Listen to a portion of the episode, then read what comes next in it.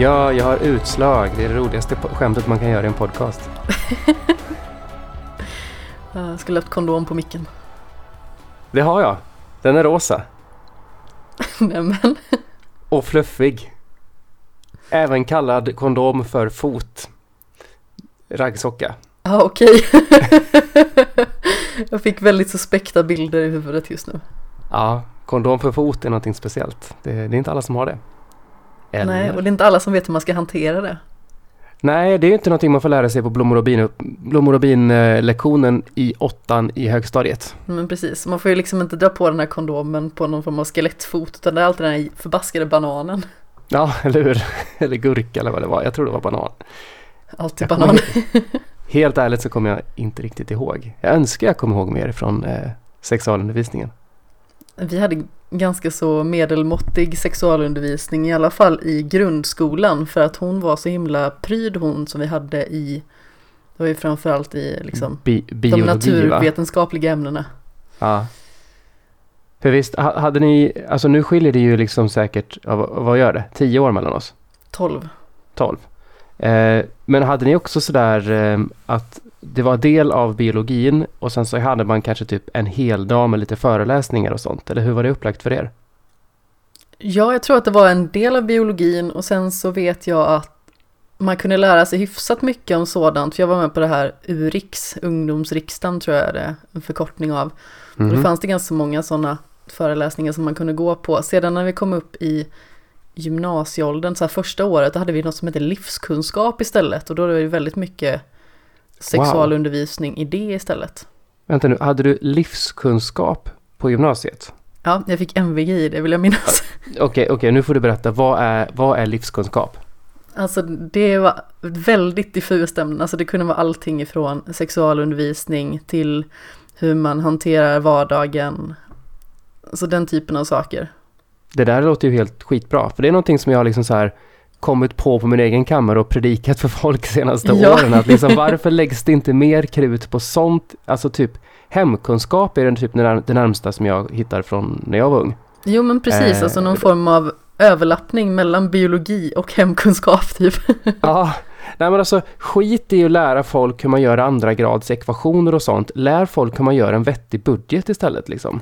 Ja, Alltså, eller lär folk tips. hur man är människa ungefär. Ja, eller det. How to people. Hund- 100 poäng. Alltså med så graderar på en skala. Nej, fortfarande alien, du måste jobba upp till betyg. Ni ska stöpa alla i en mall. Alla som kommer ur den här skolan kommer vara likadana för vi har gått how to people. Ja, precis. Nej men det var typ den enda läraren som jag verkligen tyckte var riktigt bra. Jag Mm. gick ju på en gymnasielinje som alltså var textil, mode och design. Mm. Det låter ju, ja, det låter som man tror att det är väldigt mycket folk som är inte så jätteambitiösa. Alltså, Som estet- står och kedjeröker på Alltså, rasterna. i- och när, jag, när jag tänker efter nu att när jag, när jag gick i gymnasiet så var estet ungefär lika mycket ett skällsord som hipster är idag. Ja, men lite så. Men det här var massa latfisar verkligen som inte gjorde så jättemycket. Det fanns väl vissa som var lite mer ambitiösa, men när jag sökte in till gymnasiet så tror jag att jag hade 300 poäng.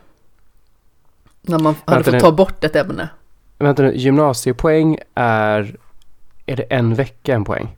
En dag? En timme? Nej, men man får ju poäng för, man får olika poäng för typ MVG, VG, G Ja, men- ja, men så är det ju. och sådär. När, när, när, jag, när jag gick i gymnasiet, jag, var, jag tror jag var första årskullen som hade just G, VG, MVG. Ah, okej. För att- Istället för 1 till 5. Ja, för jag gick ur eh, högstadiet med 1 5. Mm. Eh, och eh, jag vet inte hur det är numera på högstadiet, men på den tiden så hade, var ju inte några kurser som var värda i olika många poäng på högstadiet i alla fall, utan där tog man bara liksom, man bara adderade ihop alla sina, poäng, alla sina ämnen eh, och sen så delade man med antal ämnen det var.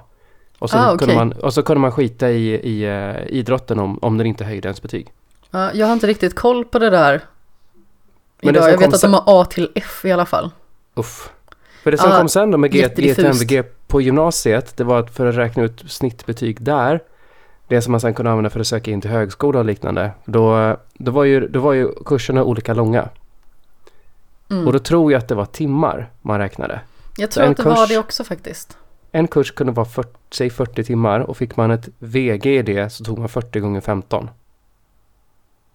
Mm. Och, då, och då fick man liksom en poäng på den kursen och sen i slutändan så tog man ju alla sina kurser och gjorde så med och sen så delade man ju med antal timmar totalt man har gjort och då får man ju ut ett snitt på det. Precis, jag tror att eh, om vi tar på grundskolan så var det nog så här att jag tror G var värt 10, VG 15 och MVG 20. Lite osäker just nu när jag sj- själv säger det, men jag vet i Mm. alla fall att jag hade 300 poäng eh, och jag fick ju ta bort mitt sämsta ämne då, som var teknik som jag hade eh, G i. Det var det enda ämnet jag hade G i. Allt annat var VG och MVG. Vilket man kan förstå att jag inte lyckades så bra med teknik för att det är verkligen min akilleshäl deluxe. Men Vad- sen, Alltså teknik i det, här, i det här avseendet, är det typ så här, ja så här smider man sin, eh, ja, det var vad man nu- vad man nu och sådana grejer. okej. Det, det funkade inte riktigt med mig, om man säger så. När jag läste teknik, jag tror det var i åttan, då fick vi typ så här meka med moppar. Det var, det var inte min typ av teknik. Och sen så läste jag ju teknik, teknik på gymnasiet och då var det så här hur man beräknar hållfasthetslära på, på en grej vid knäck och sådana saker. Det var liksom, Mhm. det är ren matte och då bara yes, det här är min grej. Då funkade det bättre. Nej, vi Ja. hade det i sexan och nian eller någonting. Tyckte inte Ja. om det alls verkligen. Men sen på gymnasiet då bytte jag ju linje efter ett år. Mm. Och då gick jag media istället. Men jag fick ju tillgodose mig de poängen som jag hade haft första året då. Och jag skulle egentligen fått ett MVG även i något som heter fackteckning. Men eh, ja, så tyckte de att jag skulle betala tusen spänn för att få det betyget med mig. Då tänkte jag att nej, men då kan ni dra åt fanders då. Det gick rätt bra ändå i slutändan om man säger så. Jag hade inte behövt det där MVGet. För mitt, eh, mitt snittpoäng, jag tror att det är väl typ sådär att man man kan väl få vad är det, 22 poäng som mest. Om man inkluderar sina högskolepoäng. Och Vänta, vänta nu, högskolepoäng? ja men alltså det Det var lite komplicerat sådär. Det var vissa som jag tror var så här högskolegrundande poäng. Eller någonting. Då fick man tillgodose sig två sådana kurser. Eh, som gav dem poängen. Eller Vad ja, komplicerat det har blivit. Ja, men det var så här, eller ja, typ max två poäng eller någonting. Så bara rena betyg så kunde man få 20 poäng. Det var liksom Ja. maxet som man kunde gå ut med. Och Ja, sedan i- så var det i- två i- poäng i- över. Precis, alltså i och med att MVG är 20 så kan ju aldrig snittbetyget vara högre än 20. Nej men precis. Eh, och jag med mina poäng hade jag nog, vad var det, 20,5? Eller något? Eller 21? Vi hade inte de här extra poängen som du pratar om. Nej men som sagt det är lite suspekt system. Mm. Hej och välkommen till skämshögen för övrigt. Där vi skäms över våra högskolepoäng eller gymnasiepoäng. Nej, jag vet inte. Jag skäms inte så jättemycket över det. Eh, Det gick Nej. faktiskt rätt bra för mig i skolan. Det är väl mest sådär att jag har behövt skämmas lite mer för eh, ja, folks uppfattning om mig snarare. Skämmas nu eller skämmas då? Nej, då definitivt. Jag var ju mobbad i, vad kan det vara? Sju år eller någonting i den stilen. Mm. Så då blir det ju liksom att vissa grejer så skäms man mycket mer. Men här skäms vi ju kanske lite mer över upplevelser som vi har gått miste om. Avsnitt 16 av Skämshögen och eh, Amanda Sten heter jag i sedvanlig ordning och på andra sidan Skamskogen har vi Tobias Andersson från Svampriket. Yay! Även känd som Tobbe Fix. Mm. Mm. Det skäms jag inte så mycket för. Nej, vilken tur. Jag tycker inte att du ska skämmas över det. Jag tycker det är en väldigt bra sak faktiskt. Men eh, ja, alltså nu är ju skolan, alltså jag kom ju att tänka på det här om dagen. Nu tog jag ju studenten ett år senare. Men när jag kom att tänka på sådär att ja, det är sju år sedan jag tog studenten. Då låter ju det jättelänge sedan för mig. Men det är lite längre sedan för dig också. Det, du låter som typ Terminator här. Jag gör det för dig också. Vad sa du nu? Jag hörde dig som en robot här bara. Jag tror det blev lite tjall på linjen. Ja, det är, me, det är megarobot. Det har varit megarobot eh, ända sedan jag sa hej typ. Jaha. Okej, prata lite till. Är du tillbaka nu? Hör du mig bättre igen? Ja, mycket bättre. Ja, ja. Men ja, vi ska ju inte tänka så jättemycket på våra studiebedrifter idag kanske. Jag vet inte riktigt. Vi har redan tänkt på det i ungefär tio minuter eller pratat Ja. högst om det i tio minuter. Ja, ja, men om, vi ska, om, vi ska, om vi ska få in det här i någon form av skämshögs ehm, tappning då. Så eh, en grej som jag ångrar i mitt liv att jag inte har gjort. Jag har gjort ganska mycket saker i mitt liv, men en sak jag inte har gjort är att ha eh, studerat på högskola. Och, eh, Det har inte jag heller gjort. Inte, för mig är det inte så mycket för att ha, liksom så här, att jag vill kunna ha, få ett bra jobb och sådär, för det har jag liksom arbetat mig till. Eh, min karriär om man säger. Får jag dra en Eh, gissning här? ja. Du vet inte exakt vad du vill studera för någonting. Nej, det, Nej. det vet jag inte och det har jag nog aldrig velat. Jag var jättenära en gång på att börja på, börja på högskolan någonstans 2007, 2008 där Mm. någonstans. Så var jag, då hade jag sökt in, hade ble, blev, blev antagen, jag var förbannad på folk på jobbet, eh, jag ville därifrån. Eh, men sen så typ kastade de pengar på mig och så stannade jag på jobbet. true, true story.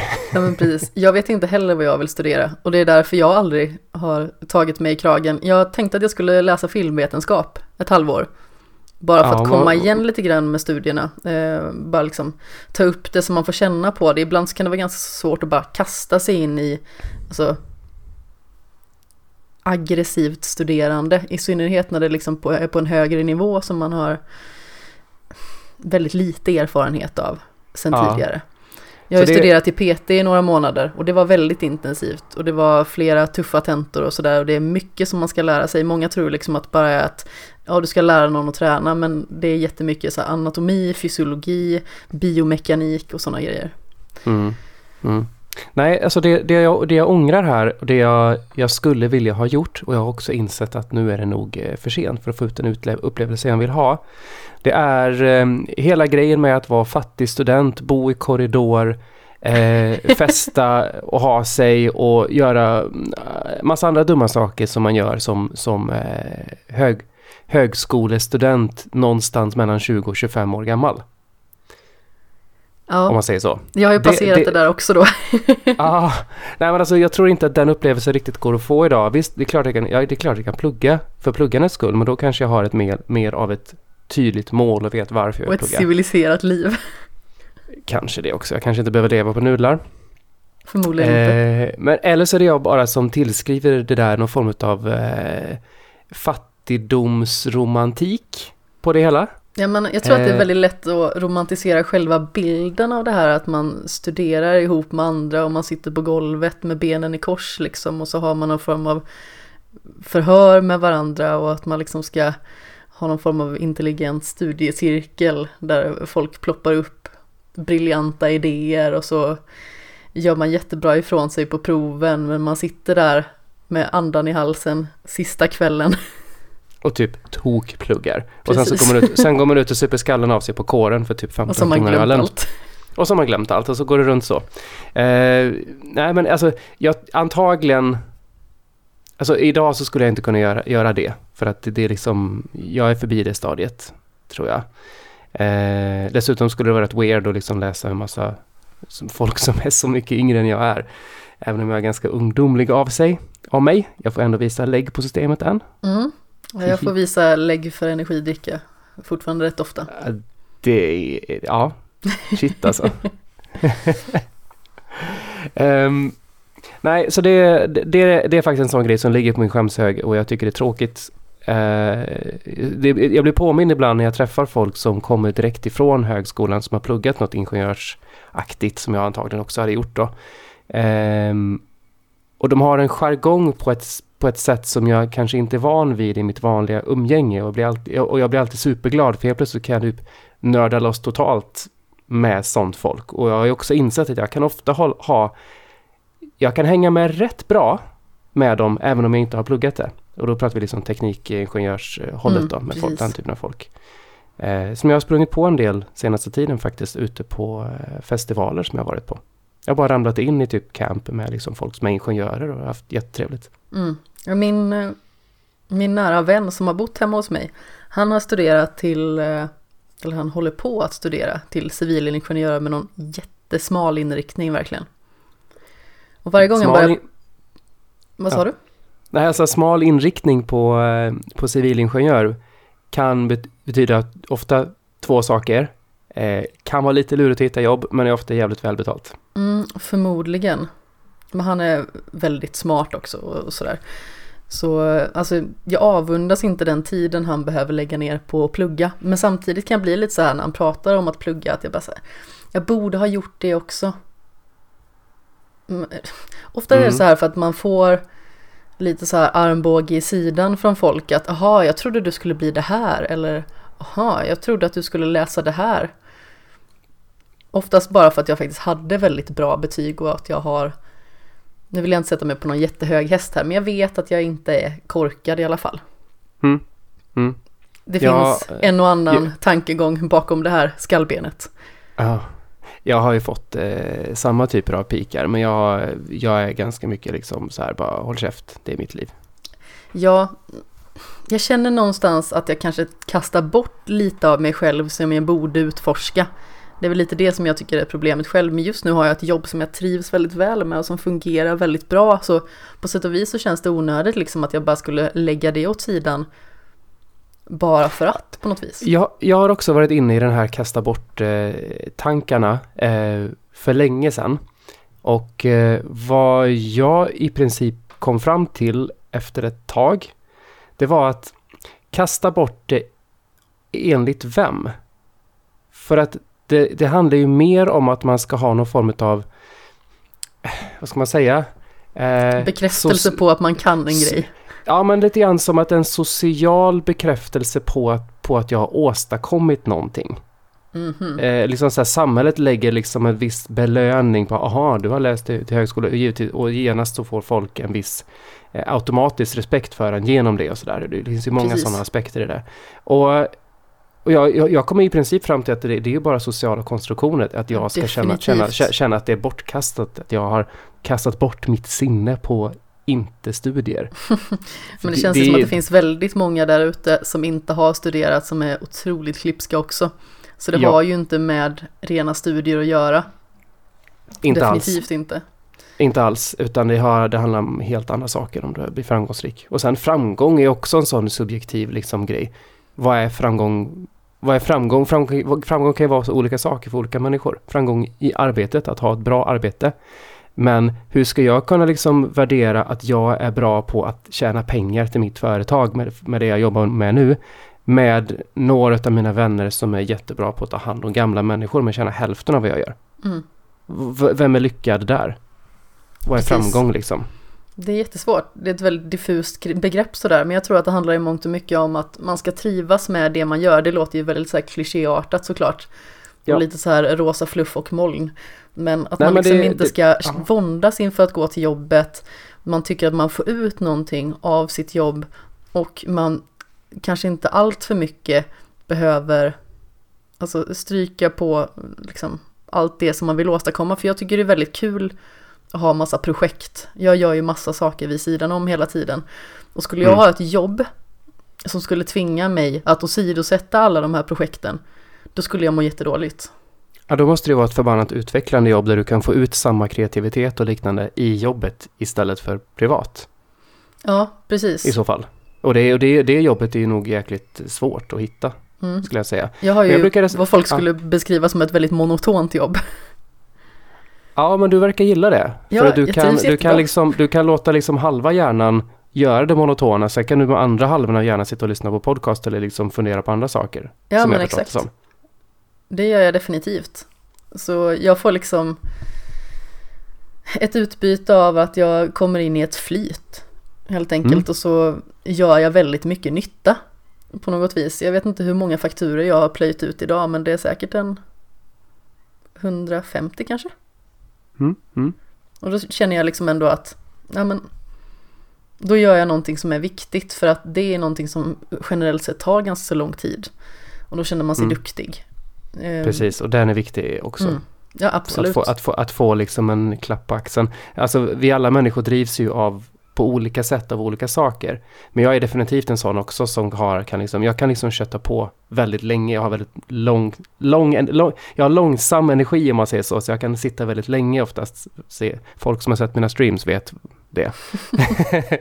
Absolut. Eh, men, men eh, och jag behöver inte så mycket feedback, men jag behöver veta då och då att jag gör någonting bra. Ja, men Det räcker ofta. det är rätt lite. likt mig också. Jag menar, de Mm. behöver inte säga till mig att åh vad fantastiskt du är, finaste, bästaste, hela tiden. Eh, men bara liksom få reda på att jag gör ett jobb som räknas någonstans. Mm. Jag att det inte sån så uppskattas att jag tar de här fakturorna som är 49 sidor långa. För att ingen annan vill ta dem. är, det också sånt så att du, du eh, har svårt att ta till dig av ehm, positiv eh, feedback? Ja, alltså, hemskt. att, att, uh, uh, alltså uppmuntran ifrån... ehm, jag, för, jag, för jag kan få det från lite random folk sådär bara.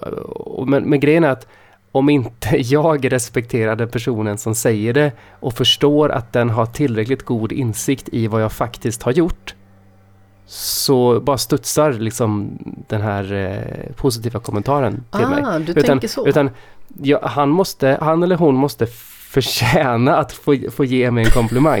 Det låter helt sjukt. Men det är faktiskt, det är faktiskt så det är. Att, att, men alltså, jag vill att personen är så insatt i vad jag gör så att jag, så, så att jag känner att den kan ge mig en komplimang som faktiskt betyder något. Alltså, vissa personers fina ord betyder ju mer än vad andras fina ord betyder. Ja, Alltså det är ju ja. bara liksom faktum, helt enkelt. Men det Ja. jag känner det är att jag tycker det är jättesvårt att ta emot fos- eh, positiv feedback. jag har jättesvårt att ta emot positiv feedback överhuvudtaget. Ja, ja, komplimanger helt enkelt. Mm. Jag tycker att det är ja. jättesvårt. För att jag blir, samtidigt som jag blir smickrad och tycker att det är jättetrevligt så blir jag ofta ohyggligt obekväm. Mhm.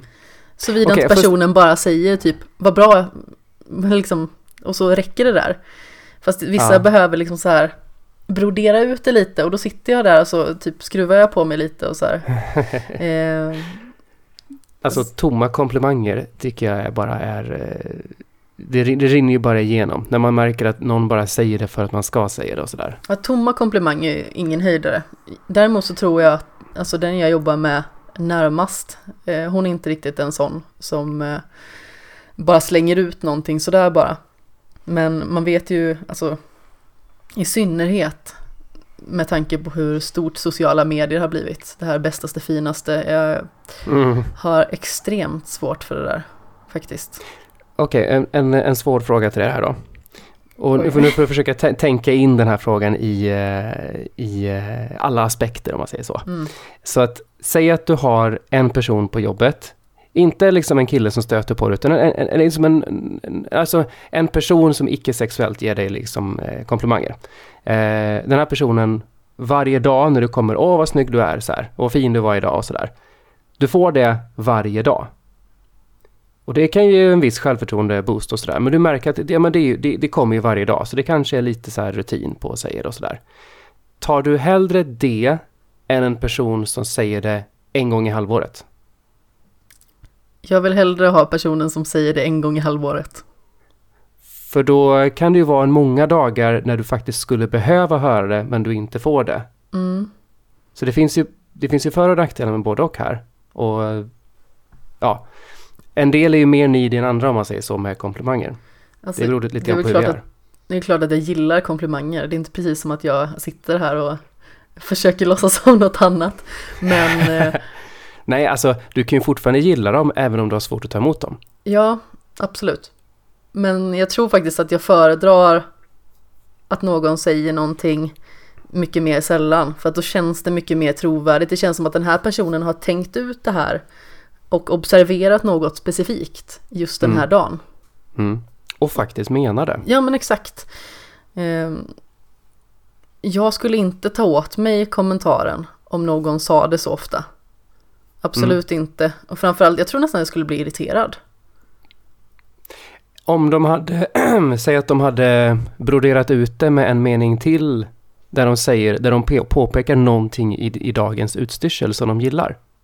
Men ändå gjort det varje dag. Men du, du känner ändå att du är en, det, är en, det, det är inte bara en åh vad fin du är, utan det är en vad fin du är och så finns det en liten anledning bakom, en skruv. Ja men då har du i alla fall någon form av förankring känner jag, så då blir det lite annorlunda. Mm.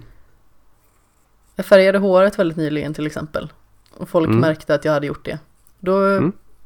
alltså, då är det ju kul att folk märker saker. Men säger bara folk, åh vad fin du är. Jag är så här, jaha. jag vet att det låter väldigt kallt och att jag låter som världens tråkigaste torrisgnällperson. Men jag vet inte. Jag tycker det är viktigt att saker man säger ska betyda någonting och inte någonting man bara kastar ur sig bara för att inom citationstecken göra folks dag. Mm. Som eh, många tycker att man behöver göra. Men de förstår inte riktigt innebörden av det själv tror jag. Nej. Nej, och där är ju folk väldigt olika. Jag tror både du och jag är väldigt så här, alltså Kvalitet. Kom- kvalitet i komplimangen, den måste liksom träffa rätt från någon som, från någon som eh, faktiskt man märker har tänkt till. För det är ganska lätt att genomskåda de här tomma komplimangerna. Ehm, Verkligen. Det slog mig en grej förresten. Eh, när vi pratade om skola och att vi inte hade läst på högskola och sådär. Och att ehm, jag tror att eh, både du och jag kanske har en önskan om att ha just läst på högskola. För att ingen av oss två kanske riktigt vet vad vi ska bli när vi blir stora. Absolut. Och för, Det- för, det mig så har, för mig så har det här läsa på högskola och ta CSN-lån och allt det här. Det känns som att ja, men de som gör det, de har ett mål. De vet vad de vill. De Men det är lite det här bocka av saker i livet-listan också. Ja, det också. Det också. Så, så jag tänker liksom att egentligen kanske jag är mest avundsjuk på att de, det där är människor som vet vad fan de vill. Mm. Det köper jag absolut. Och samtidigt så när jag sitter där på jobbet Ibland så känner jag lite sådär att ja, men jag är liksom inte utbildad ekonom. Nej. I mångt och mycket alla andra är det på något vis. Kanske inte just i den termen men vissa är liksom så här redovisningsekonomer och eh, vissa har liksom studerat ekonomi på högskolenivå. Och där sitter Mm. jag liksom och kom in som en liten vit kanin egentligen. Bara för att jag hade rätt huvud för den här typen av sak, uppenbarligen. Det, det är precis samma för mig. Jag är omgiven med folk som har läst eh, alla möjliga ekonomi och företagsekonomi eh, grejer på högskola. Och eh, så eh, sitter jag där och sitter där för att jag också har huvudet på rätt ställe för den här typen av jobb. Utan utbildning. Eh, men det går ju uppenbarligen rätt bra för oss båda. Ja, absolut.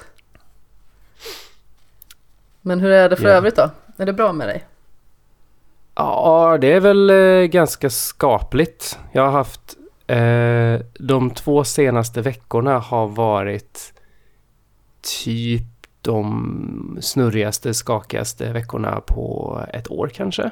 Oj, den stilen. det är så pass? Ja, det är så pass. Det, det börjar med att för ja, ganska precis snart en dag till. Eller ja, när, det här, när det här avsnittet kommer ut så är det två veckor sedan som jag åkte på eh, årets första festival. Det här året har jag sju festivaler bokade. Ja, det är ju galet. Ja, det är lite galet Oj, faktiskt. oj, oj. Eh, det, det är lite galet, men det är, mm, ja, det finns lite, eh, eh, alltså för två veckor sedan så hade jag bara fem festivaler bokade. Jag har bokat två till i, i, i den här veckan. Men jag kommer till varför. ja, absolut. Kör vi. Nej, jag åkte, jag åkte, på, festival och liksom eh, tog, drog med mitt nyinköpta tält och mitt, eh, min nya, mitt nya liggunderlag. Innan har jag åkt, när jag åkt på festivaler så har jag kört så här 150 kronors tält från Clas Olsson. Och sen typ så här e- upplösbar madrass för 100 spänn från Rusta. Som Ja. egentligen är typ så här, ja men sån här blå du vet som alla brukar ha Ja. som extra, extra säng Så som är lite luden. Lite, Lite luren på ena sidan, ja precis. Eh, sådana brukar jag ju släppa med mig och sen så brukar jag typ lämna det på festivalen. Jag, liksom, jag vaskar det. Mm. Jag måste bara få göra en inflikning. Folk tror ju att jag är dum i huvudet när vi åker på de här vinterretroresan meetup. För att ja, på sommarmeetupen så finns det ju färdiga våningssängar som man kan sova Mm. i. Men det finns ju inga, alltså Nej, det typer finns, av snark, det finns, eh, sovmöbler det finns snarksalen bara. Snarksalen ja, precis. Mm. Snarksalen och scenen. Eh, och då sover jag ju på golvet. Jag har en kudde med mig och så brukar jag vira in mig i ett täcke. Och folk tror ju Men- att jag har tappat eh, kanske fem skruvar ungefär. Ja. Inget liggunderlag alltså? Nej. Nej, för jag blir ju tokig om, jag, om, om min höft går i golvet. Ja, nej jag har inga, inga problem med höfter och ryggar och sånt. Av de Nej, flera jag- ryggar jag har såklart. Ja, men dina tre ryggar ja. ja. Det är tre delar av ryggen i alla fall, så då får man ju ja. få utgå ifrån dem. Eh, I alla fall, mitt nya tält då var ju dels är det så här reflexsitt på utsidan Mm. och sen så är det, är det ett dubbeltält så att det är liksom ehm, det är en luft, luftspalt mellan innertältet och yttertältet vilket Okej. gör att det blir bättre, bättre ventilation och grejer. Eh, och sen är innertältet helt svart och, i, i, och ehm, gjort på ett sånt sätt så inte solen går igenom. Så Ah. att eh, det är helt becksvart eh, oavsett hur mycket solen lyser där ute och eh, jag tror att jag i alla fall tjänade en timme till med eh, svalt i tältet mot de som hade vanliga skettält liksom. Okej, vad skönt. Eh, otroligt skönt. Det var väldigt, väldigt eh, bra tält. Och så har jag köpt ett riktigt liggunderlag då, sån här eh, liksom fjällvandringsliggunderlag. Så det var, tog väldigt liten plats och eh, jag behövde ingen pump. För jag pumpar upp det med händerna. Och ehm, ja, det var bara jäkligt bra och väldigt tunt. Typ 5 cm högt eller något sånt där. Mm. Det låter ju väldigt fiffigt. Eh, Skitbra. Skitbra. Väldigt nöjd. Så, eh, så nu har jag i alla fall invigt eh, sommarens eh, festivaler och tältet var bra och hela festivalen var jätte, jättebra. Men eh, i och med att det var första festivalen så gick man ju ut kanske lite hårt och lite styvt och eh, var, lite, var lite trasig när jag åkte hem. Det är lite så det ska vara. Det Ja, lite, är det. När man gör sådana här grejer så blir det ju fel på både kropp och hjärna. Jag måste bara göra en Ja, li- liten lite. inflikning. Jag var ju uppe i Nyköping och rapporterade från SM-slutspelet i bowling. Och då är det ganska så långa dagar. Det är ganska så sena nätter. Vi sitter och skriver mycket. Vi fotar, vi intervjuar och sådär. Ehm, Och sen så när jag skulle hem på söndagen. Då körde jag hela vägen hem utan paus. Det är tre och en halv timme ungefär. Eh, Precis som jag gjorde på vägen upp också, tog ingen paus. Och så kom jag hem och ska kliva ut och in på Maxi och det kändes som att jag hade benen fel instoppade i röven liksom. Alltså fasen, vad stel jag var. Höfterna och ryggen kände sig helt felmonterade efter att ha suttit så länge med de här tre dagarna i ryggen. Usch. Ingen, inget skämt där utan Nej, nej alltså du, behöv, du, du hade nog behövt att liksom klämma in ett gympass eller något sånt där däremellan alltså. absolut. Det är Leda synd att inte det hanns med. Jag hade faktiskt med mig träningskläder för jag tänkte att antingen så hinner jag göra lite yogaövningar på hotellrummet eller så ligger gymkedjan jag jobbar på i närheten bara Mm. vid Rosvalla. Mm.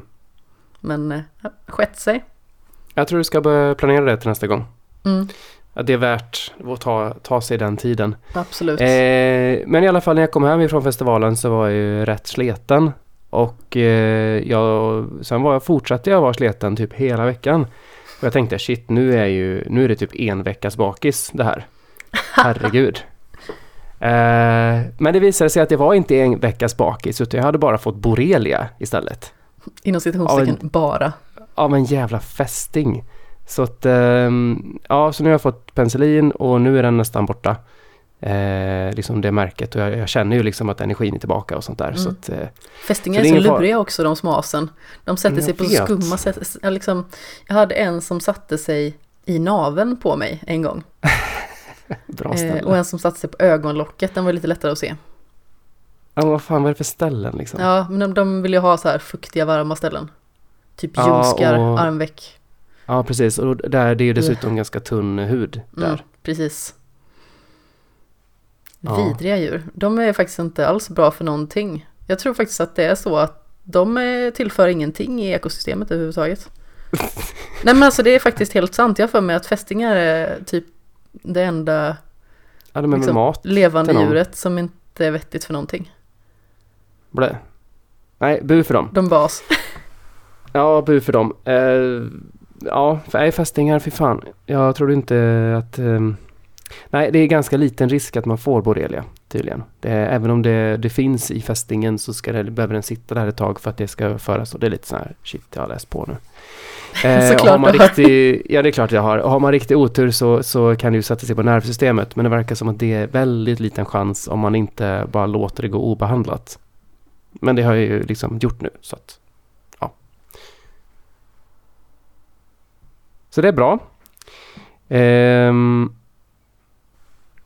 Nej då, förutom då att eh, jag har kämpat med, eh, med eh, fästingar den här veckan så har jag även, jag fick, fick, lite distans saker och ting på festivalen och har avslutat min relation den här veckan.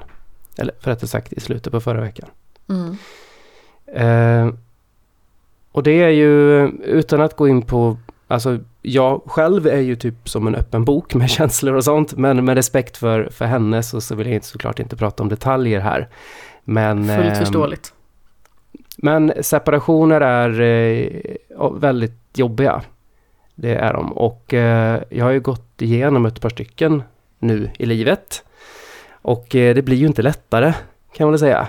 Eh, jag tror lite grann på den, på den här grejen med att ju mer du investerar av dina egna känslor, desto bättre blir ofta förhållandet. Men du riskar också, risken blir också högre att du blir mer sårad när det blir, när du, blir, när du avslutar om man säger.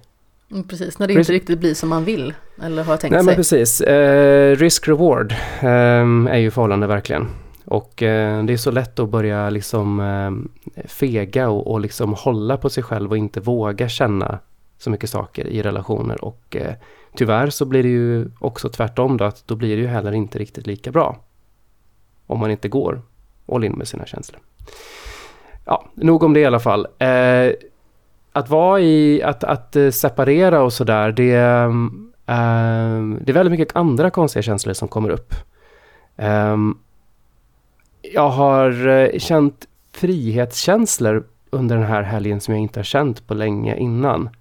Eh, och det är inte så här att jag liksom bara ville bli singel igen, för det, det, det, är inte det jag vill egentligen. Jag, snarare är jag så här, åh gud, nu måste jag ut och vara singel igen. Det, det, är så jobbigt. Singel är även faktiskt jättejobbigt, även att man kan få någon form av korkad romantiserad bild av det när man är i ett förhållande, alltså i synnerhet när man har varit i ett förhållande länge. Man tänker mm. liksom på vad gött det är att bara laja runt lite och sedan mm. så kommer man på hur det är när man har varit singel i typ en dag och har tröttnat på det. Ja, men lite så. Jag är ju verkligen på en sån plats i livet också så att jag, jag känner att jag Ja, jag, jag, jag, jag, ser inte fram emot att vara singel utan, utan nu, det är nog snarare så att nu får jag vara det och typ lära mig att vara singel igen och se till att jag träffar någon ny för det är egentligen det, är egentligen det jag vill. Jag vill ju träffa någon som jag kan liksom bli seriös med. Eh, tiden är förbi med att vara singel-singel. Ja. Alltså, sen, sen är det ju det kul fast på ett annat sätt.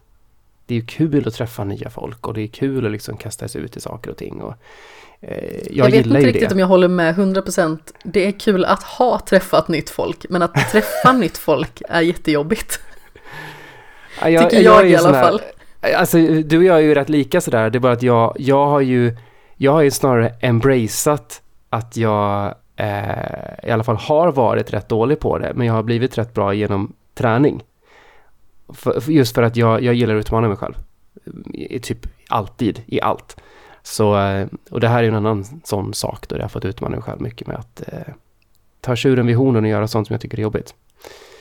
Uh, men det, det är ju sådär, som en introvert människa så är det ganska, eh, det, kost, det, man säger så här, det kostar väldigt mycket energi att göra det här ja, träffa ny, nya människor och liksom sätta sig i nya miljöer och eh, veta att man blir totalbedömd hela tiden. Eh, ja men det hela den där grejen. Det kostar väldigt mycket energi. Så att jag måste bara ladda upp ordentligt innan så, så brukar det ofta gå rätt bra. Kanske dricka en och annan öl också, det är också väldigt bra. Mjuka upp lederna lite grann. Ja, precis så. Precis så. Nej, så att, eh, men jag ska inte kasta mig in i det där nu, utan nu ska jag låta det gå sommaren har jag tänkt utan att ens tänka på någonting sånt. Eh, det blir aldrig bra. Eh, man måste liksom, inte tvätta ur sig, men på någonstans gå ifrån att man har varit en förhållande person, till att gå och bli singelperson igen innan man kan studsa in i någonting nytt. Utan att det blir att man har kvar massa från det gamla. Förstår ja, men tänker? precis. Det är väldigt viktigt att vara sin egen person och veta var man står i förhållande mm. till sig själv på något vis. Mm. Men jag, jag håller helt med dig om det här med att du liksom ska ta det lugnt och så. För förmodligen, alltså liksom utan att sia om någonting, så kan det vara att man liksom snubblar över någon som är liksom helt fantastisk och perfekt för en, eller vad man ska säga. Ja, händer det så händer ju det. Mm. Det är det här aktiva sökandet som, um, som ja. uh, jag inte ska... Det vill säga, jag ska inte rakt upp och ner, jag ska inte börja tindra liksom igen. Nej. Det aktiva det sökandet tär ju på en enormt mycket. Jag hade ju Tinder efter mycket om och men. Det vet ju du. Vi har ju pratat ja. om det här en hel del och suttit jag och tindrat. Du skaffade. Suttit tindrat lite ihop till och med. Ja. Ja. och jag var ju en väldigt bitter person sådär i fyra dagar eh, över Tinder för jag tyckte det var så ytligt och tråkigt och sådär. Och sedan så träffade jag någon som jag började dejta och sedan så var det liksom kanske inte riktigt som jag hade förväntat mig. Eh, och så träffade jag lite annat folk. Ja men vet man, man är lite lös och är omkring lite grann. Mm. Men jag hade i stort sett gett upp hoppet på Tinder och var i stort sett iväg med att ta bort det när jag träffade mm. min nuvarande pojkvän. Mm. Så oftast kan det vara så att man behöver bara liksom släppa allting och typ, äh men, åt helvete med det här. Och helt ja, plötsligt så och, ja. snubblar man över lite guld på något sätt. Du och jag har ju också tendensen att övertänka saker. Tycker du? Jag förstår um, inte alls vad du menar. Så det är ju, alltså Tindra för mig var ju verkligen the worst. Jag övertänkte ju precis allt. Och, och, du vet, och är galen du vet på det. För att man hela tiden försöker tolka och hit och dit. Och man är så, så extremt man... selektiv. Ja, du var ju det. Det märkte jag ju. Det märkte ju. Det var ju jäkla skillnad på din och min swipe-teknik kan jag säga. Ja. jag var ju sån här, jag var ju sån här som, som läst, tittade på alla bilder, läste presentationen. Fanns det ingen presentation så blev det auto-nej. Eh, utan liksom verkligen försökte sätta mig in i huvudet hur den här personen är att vara med. Eh, ja. ja men alltså jag kunde ju lägga fem minuter per, per, per någon jag tog upp och verkligen tog ett, ett, ett, ett liksom ett djupt beslut. Eh, det, slog ju, det slog ju bak så in i helvete för att, för att men, men, när jag blev nekad, eller liksom när jag inte får matchningar med, de här, med det här folket, då blir jag jätteledsen, för jag hade liksom redan, redan levt ett halvt liv med dem. Ja, liksom. men jag tänker så himla mycket på, jag var ju på en humorföreställning av Fredrik Lindström för ett tag sedan. Mm. Mm. Och han är precis likadan som, jag tror både du och jag, eh, liksom att man man liksom typ ser en person på bussen och så tycker man liksom att den är lite fin att titta på eller har något charmigt för sig. Helt plötsligt har man planerat hela sitt liv ihop och sen så går den personen av och man bara, ah, det var det. Ja. ja. Så Tindra för mig var ganska jobbigt. Eh, det var jobbigt för mig också. Jag blev bättre och bättre på det. Men det kan ju vara därför som du hade din taktik. Där det var liksom så här, nej, nej, nej, nej, nej, nej, nej, nej, nej, ja, nej, nej, nej, nej, nej, nej, ja, nu har jag varvat Tinder. Har ni inga fler killar i Borås? Så var det ju. Ja, det var faktiskt exakt så. För jag, jag, sitt, jag satt ju typ så här, jag började få kramp i typ pekfingret så jag bara så här, nej, nej, nej, nej, nej, nej, nej. Sen så på 99, ja, nej, nej, nej, nej. Och så fortsätter jag så. Men jag vet inte, alltså nu kanske jag går eh, väldigt mycket eh, utifrån det här så här utsed, utsidan ger insidan en chans. Kanske det blir lite mm. grann. Men jag upptäckte ju det att det är en väldigt ocharmig sida jag hade hos mig själv då, i och med att jag tyckte så här, oh, fasen vad Tinder ytligt, så sitter jag där själv liksom bara nej, nej, nej, nej, nej. Part of the problem. ja, men precis. Jag är inte en del av lösningen här. men å andra sidan, jag varvade Tinder några gånger och sedan så typ fick jag det bästa slutet. Så. Ja. Ja, precis, precis. Ja, men det är kanon. Eh, så ja, grejen är att jag lärde ju mig med tiden. Jag blev ju mer distanserad och det var ju för min egen hälsas skull. Jag höll ju på att ta knäcker av mig. Um, jo, men man blir ju koko. Och så sitter man där faktiskt. liksom och bara, ja ah, men den här personen har den här lila skor på sig, jag vet inte om det kommer funka alltså. Ja men liksom, ja men shit. Nej, för, alltså vad jag har lärt mig av mina, mina relationer det är ju liksom att de tjejerna jag varit tillsammans med ingen av dem har någonting gemensamt alls. Jag, jag har varit väldigt vid och bred i liksom vad jag träffat. För jag liksom har, jag måste klicka med någon så klicka med någon och sen så har det andra varit inte så viktigt. Uh, och, det, och jag har ju lärt mig, lärt mig att jag har, att jag ser på det på det sättet, vilket gör att egentligen borde jag swipa höger på alla. för, att, för att jag vill ge alla en chans. Kanske lite extremt. Ja, jag, jag, vet. Jag vet. Så jag vet inte, jag är förvirrad över Tinder alltså. Det, det är jobbigt. Um, ja, nej, men alltså vad, Tinder är ju liksom ja. internets Mordor. Ja, lite så. Ingen vill gå dit egentligen. Men förr eller senare måste man det. man kanske hittar en ring. ja, precis. Oj, metaforerna här. Vet du. Um, nej, men vad jag, vad jag sa innan var att, att uh, den här frihetskänslan som kommer över en. Jag känner igen den ifrån, nu är det ju länge sedan för mig, men, men uh, när man typ sagt upp sig från jobbet. Och typ går ifrån jobbet sista gången för att man ska iväg och göra någonting annat. Med en symfoniorkester det... bakom sig. Ja, och så går man i slow motion. Nästan så det känns så. Liksom man kommer ut och man känner sig som att nu är världen för mina fötter och jag kan göra precis vad jag vill. Det är ingenting som hindrar mig från att göra vad jag vill. Här börjar resten av mitt liv.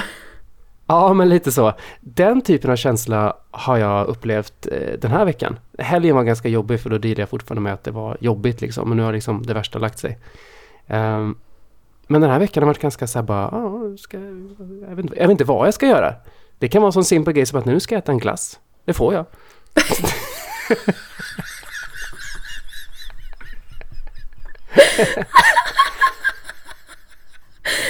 Men det, det, kan vara i de små sakerna också liksom så här.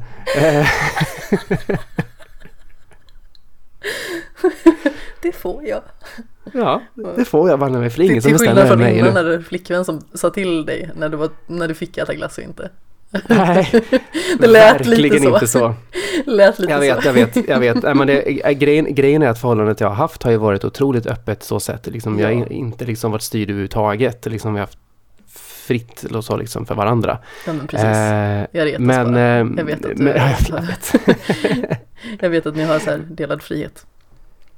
Ja, eh, men, men um, ja, vad ska jag säga? Det är, bara, det är bara en känsla som inte riktigt jag kan ta på. Det är bara någonting med frihet. Eh, så det är i den känslan som jag bokade upp mig på två festivaler till. Så nu är det sju. så du åkte på den här vågen liksom av nu har jag framtiden för mig här. Framtiden för mig, nu måste jag ut och träffa folk. Ja. Eh, nu, ska, ja, nu ska jag göra någonting med den här sommaren liksom. Förlåt, jag ojade lite. Det var ett väldigt runt djur som ville hoppa upp i mitt knä. Jag tänkte att det är en dålig idé för då kommer han välta allt. Barbapapa? Ja, det är Snorlax skulle jag vilja säga att det är. Ja, okej. Okay. Okay. Det är min katt. Han är stor. han är väldigt stor och tung. Um, du vet hur det kan vara i förhållanden att man har, eh, ja men det här är våra serier som vi kollar på tillsammans. Wow, ja, det vet jag Nästan, definitivt. Jag skulle gissa att i princip alla förhållanden har den typen av serier. Mm. Och eh, jag hade ett gäng sådana serier som jag tittade på tillsammans med mitt ex nu då. Och eh, och rätt ofta var det så här att ja, men hon bestämde ofta att vi skulle kolla på. Jag frågade, vill du kolla på det här eller det här eller det här? Mig spelar det ingen roll så här. Men hon blev mer och mer, hon, vi kunde liksom så se en säsong och sen så kunde hon vika av mer in och titta mer på en annan serie. Okay. Och jag är lite så här, det kryper i fingrarna på mig för att jag är, jag är ganska mycket sån, gör en sak, gör den klar, gå sen till nästa, gör den klar. Jag gillar inte att hålla, ha många saker igång samtidigt. Nej, inte jag heller.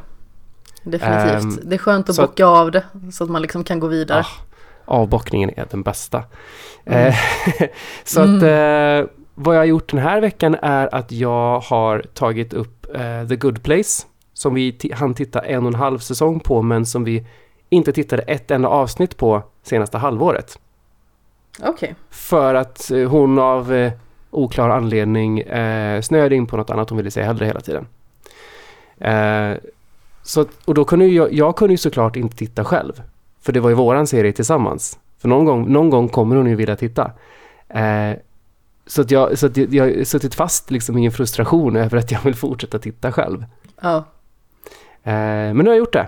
Och det är också en sån här frihetskänsla, jag får titta på vad jag vill, hi, hi. Ja men precis, och sen när man blir klar med det så känns det så himla skönt också, bara så att, ja men nu har jag äntligen avverkat det här, nu kan jag gå vidare till nästa sak som jag behöver avverka.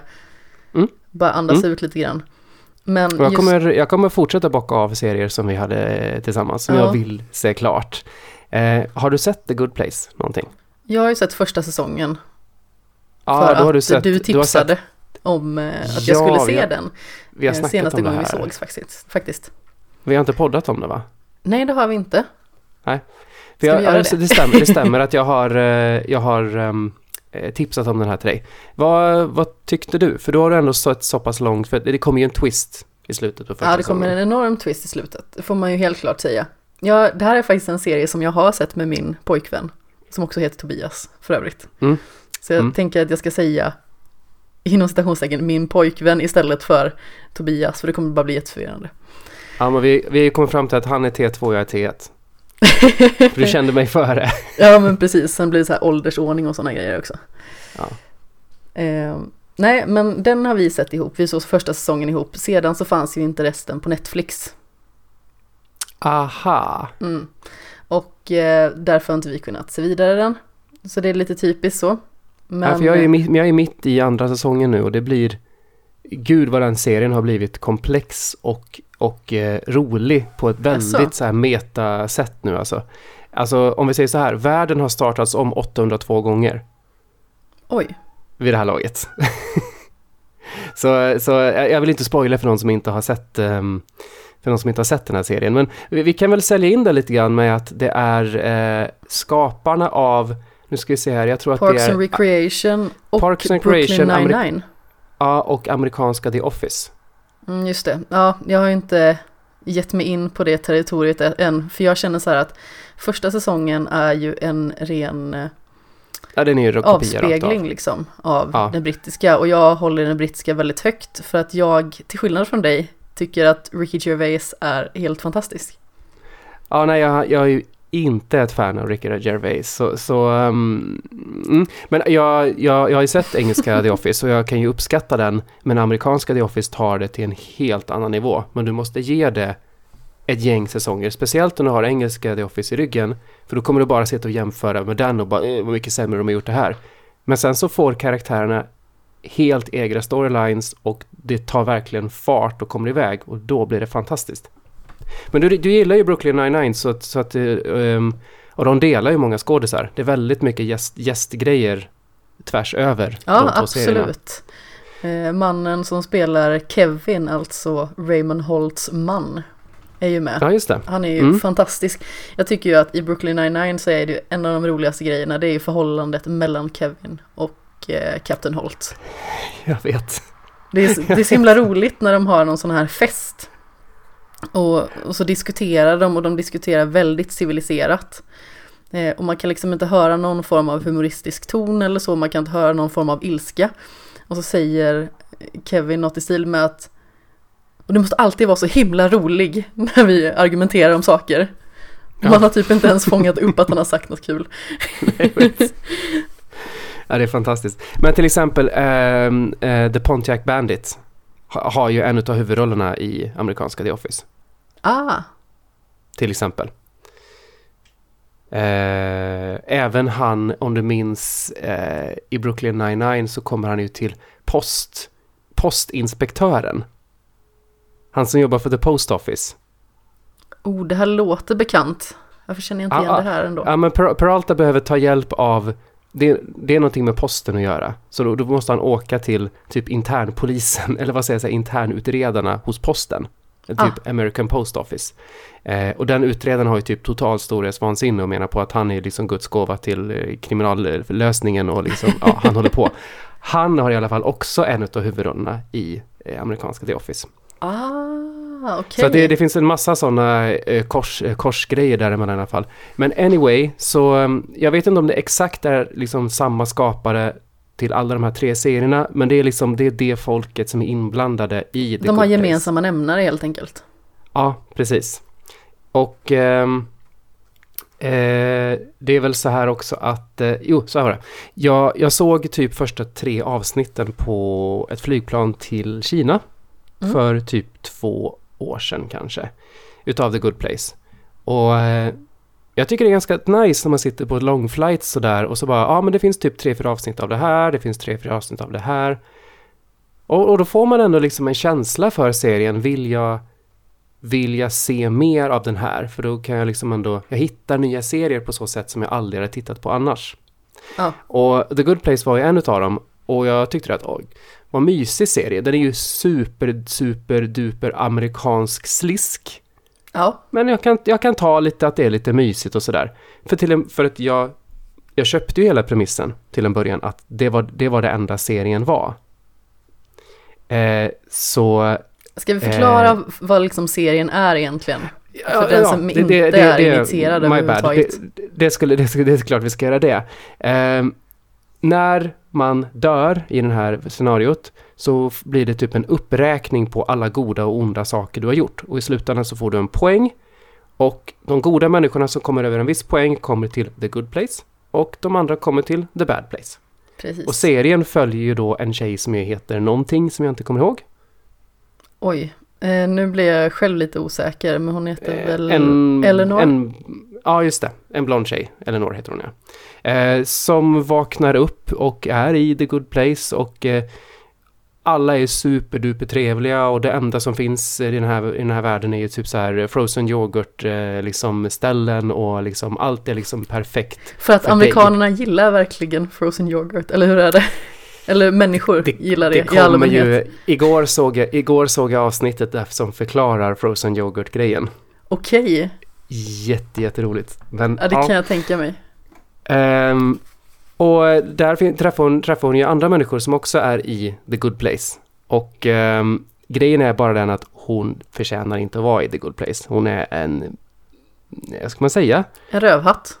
En rövhatt. En, en, ganska egoistisk person som egentligen bara har levt sitt liv för att festa Eleanor runt. Shellstrop heter hon ju. Shellstrop, ja. Nej, men hon har egentligen levt sitt liv med att bara festa runt och inte bry sig om någon annan. Utan liksom bara att, ja, jag kanske liksom fiskar den här eh, 20 dollars sedeln ur eh, min eh, dates eh, portmonnä när han är, eller liksom plånbok när han inte ser det liksom. Det gör ingenting. Och, ja, men alltså, hon har inte gjort jätteelaka saker, men hon är liksom så här en generellt egoistisk person som inte tänker så mycket på andra människor. det, det är väl ganska beskrivande för vad hon är. Hon Ja, är liksom definitivt. inte så här, hon är liksom inte Hitler. Men hon är liksom heller inte en, en god person kanske. I alla fall, Nej. hon vaknar upp här och hon vet ju om att hon är fel. Ja, Så frågan är oh då, hur, vad gör hon åt att hon är i fel ställe? Så hon får ju hela tiden anpassa sig och verka liksom verkar det som att hon passar in och sådär. Och, och eh, hon träffar ju andra människor då som som är där som är liksom att ah, jag har gjort så mycket välgörenhet för världen och, och eh, bara gjort välgörenhetsgrejer hit och dit och liksom verkligen bara den typen av människor är där. Och det är Precis. liksom någon, någon munk ifrån Indien som har liksom aldrig sagt någonting i, o, någonting i sitt liv, som alltid har värnat om, om liv och ja, sånt stuff.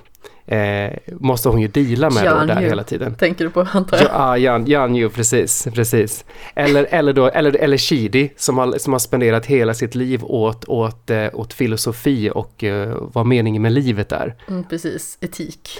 Etik och sånt ja. Och, Ja. och ehm, Han är ju fantastisk måste jag bara säga. Jag tycker att han är så otroligt underhållande hela tiden. Bara för att han är ju lite en sån torris person och blir lite neurotisk när hon då berättar för honom att jag ska egentligen inte vara här.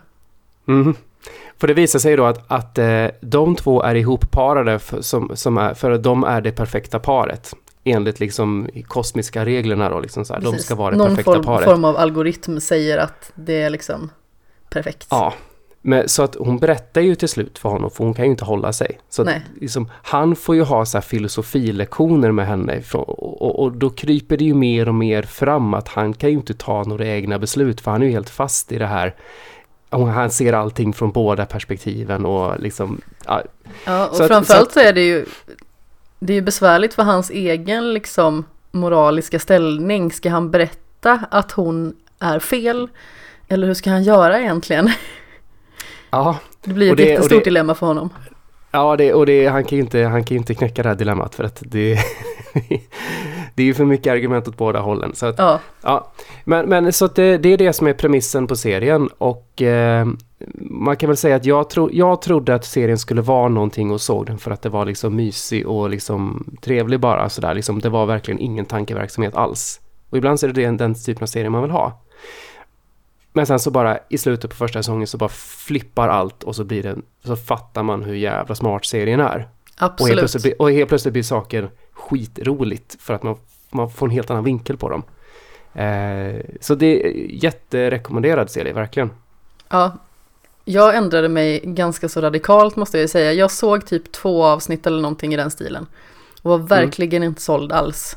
Jag var mest lite irriterad på den. Du, du tänkte bara, vad i helvete är det för skit Tobbe har rekommenderat mig? ja, jag tänkte bara varför vill Tobbe att jag ska se det här ens? Vem tror han att jag är?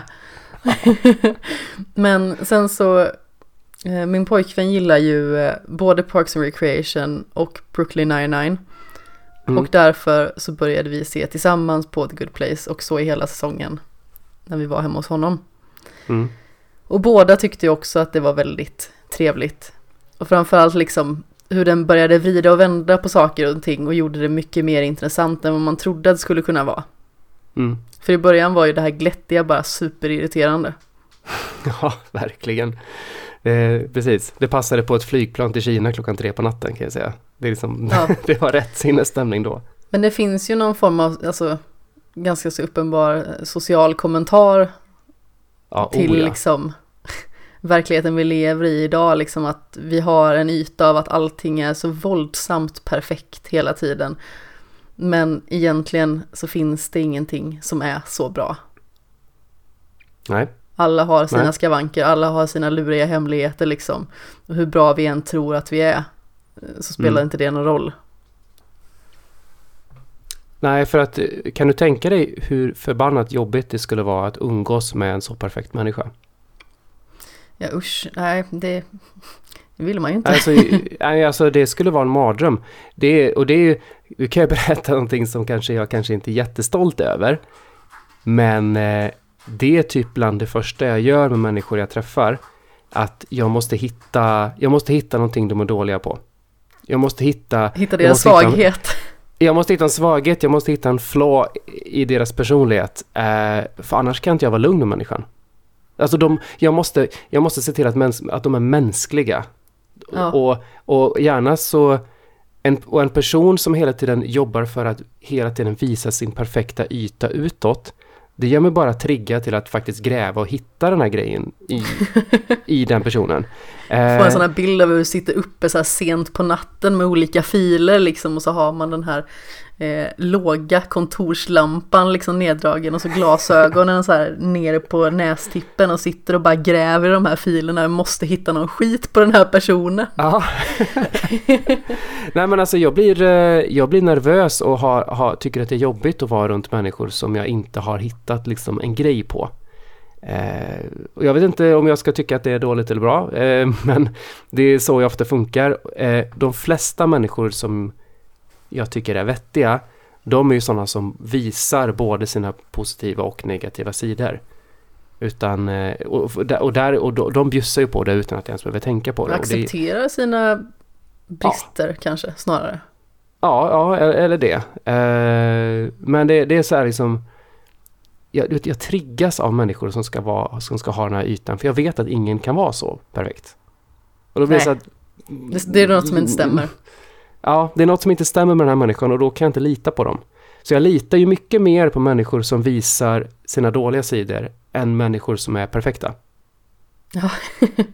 Jo, ja, men det kan jag Det köpa. kan ju, det kan ju låta, Det det kan ju låta som en, som en, det kan ju låta som en, som en, som en konstig grej, eller liksom en oxymoron eller vad man säger, att, eh, men, men ja, jag, jag litar mer på icke-perfekta människor. Nej men jag tycker Så, ja. absolut inte det låter som en oxymoron. Jag tycker att det låter vettigt för att den typen av människor som är villig att blotta alltså sina potentiella brister eller sånt som inte är hundraprocentigt på en skala. De känns Mm. mer ärliga. Mm. Med personer som låtsas att de är perfekta känns som att det är något lurt på gång hela tiden. Mm. Och, som att den eh, har typ en lik i sitt bank, eller en lik, ett lik, en lik i, sin, i sin bank. Liktanken. Ja, Den bästa banken. Ja, jag skulle säga typ eh, ett lik i sitt kassaskåp skulle jag säga. Ja, just det. Vad är det med mig egentligen? Ah, Ja, men ja. jag får sån här bryt varje inspelning nu det senaste. Det är alltid någonting jag inte kan säga eller att jag snubblar på orden. Eller att det låter som att jag bara säger habba babba. Eller vad det nu kan vara. För att jag får liksom inte fram det jag vill yttra. Men det är bra. Då, du, då är det ju heller inte perfekt. Perfekt. Per, det är perfekt att du inte är perfekt, så blir jag inte nervös. Bra va? Vad bra. Vilken tur. Ehm, sen så, eh, mi- mitt ex var ju så här anglofil, som du är också, att man är ty- typ har en Ja. eh, Eng- Englands fetisch skulle jag nästan kalla det. Ja, det kan man väl säga. Jag har en Eh. eh, brittisk vän som har bekräftat detta också. som var så här, jag bara, ja, nej men du är ju jättemycket sån här och så här. Jag bara, ja, nästan lite anglofil. Jag Bara, Jaha, skojar du eller? Du är 100% anglofil.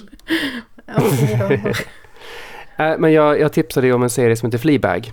Som, eh, som jag började titta på tillsammans med mitt ex. Och eh, jag hann se ett avsnitt och så bara skrev jag direkt till dig. Så Amanda, du måste kolla på det här. ja, det gjorde du. Eh, vilket, vilket du gjorde då. För tydligen så har det här varit en ganska stor grej ehm, i, i Storbritannien. Eh, just Fleabag, det är liksom en sån här omtalad serie. Där, för, där det först gick en säsong och sen gick det ganska många år innan de spelade in en säsong två. Okej, det ja, är det väl tänkte säsong inte två jag riktigt som- på. Tydligen så är det säsong två då som har precis har gått och då, liksom, då har det varit så här snackis i eh, eng, engländska sociala medier. Säger man engländska? Brittiska skulle jag nog säga är nästan lättare att säga. Engländska, vad är det ens för ord? Ja, Englesiska. englesiska. Den, säger anglosax- den anglosaxiska adeln. Ja, eh, som förmodligen inte kollar på Fleabag faktiskt.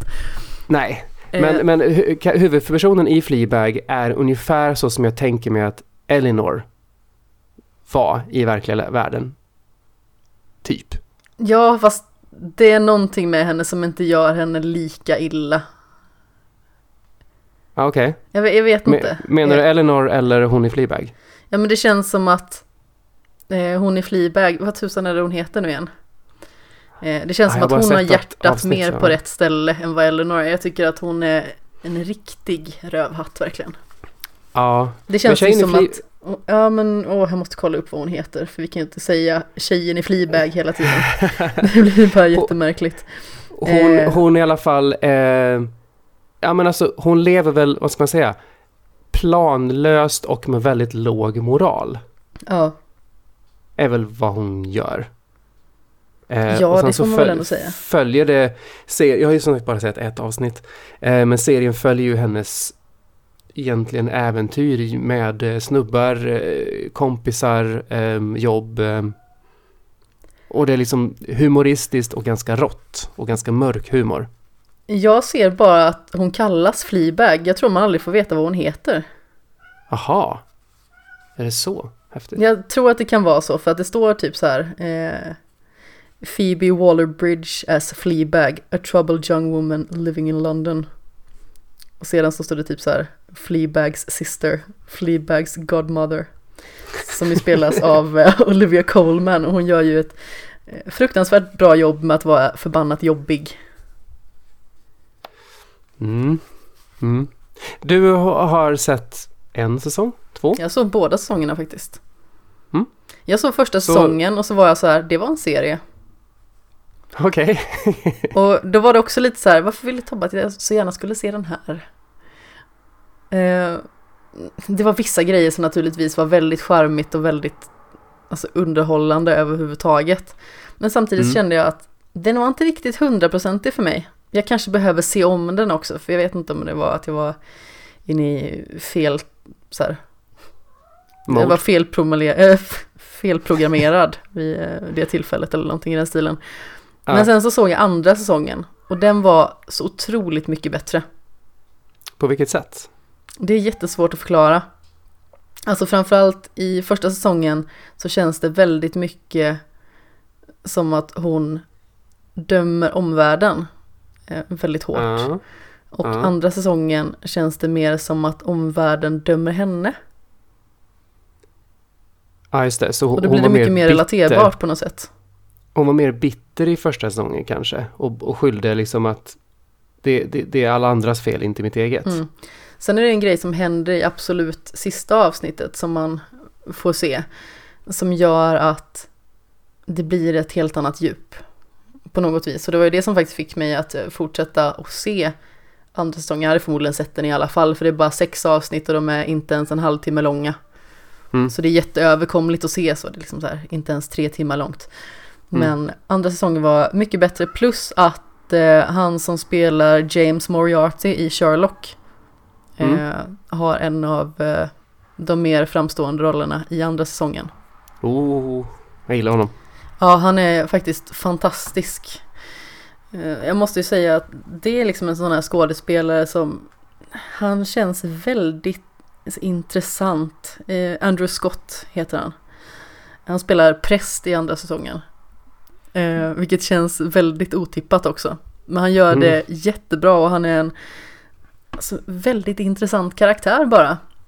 Plus att Mm. som sagt Fleabag blir mycket mer sårbar och hon blir mycket mer relaterbar och det gör ju på något sätt att man får känna lite mer med karaktären. För det är vissa grejer som jag så här retade mig på när det gällde henne i första säsongen, verkligen. Nu är ju inte det en jättespoiler, men hon stjäl en sak och jag bara så här, men för, Det gör hon väl i första avsnittet redan va? är det första avsnittet? Ja, jag har ingen hon, stjäl- aning. Hon stjäl, blir... hon stjäl väl den här statyn ifrån Ja, sin... men precis den.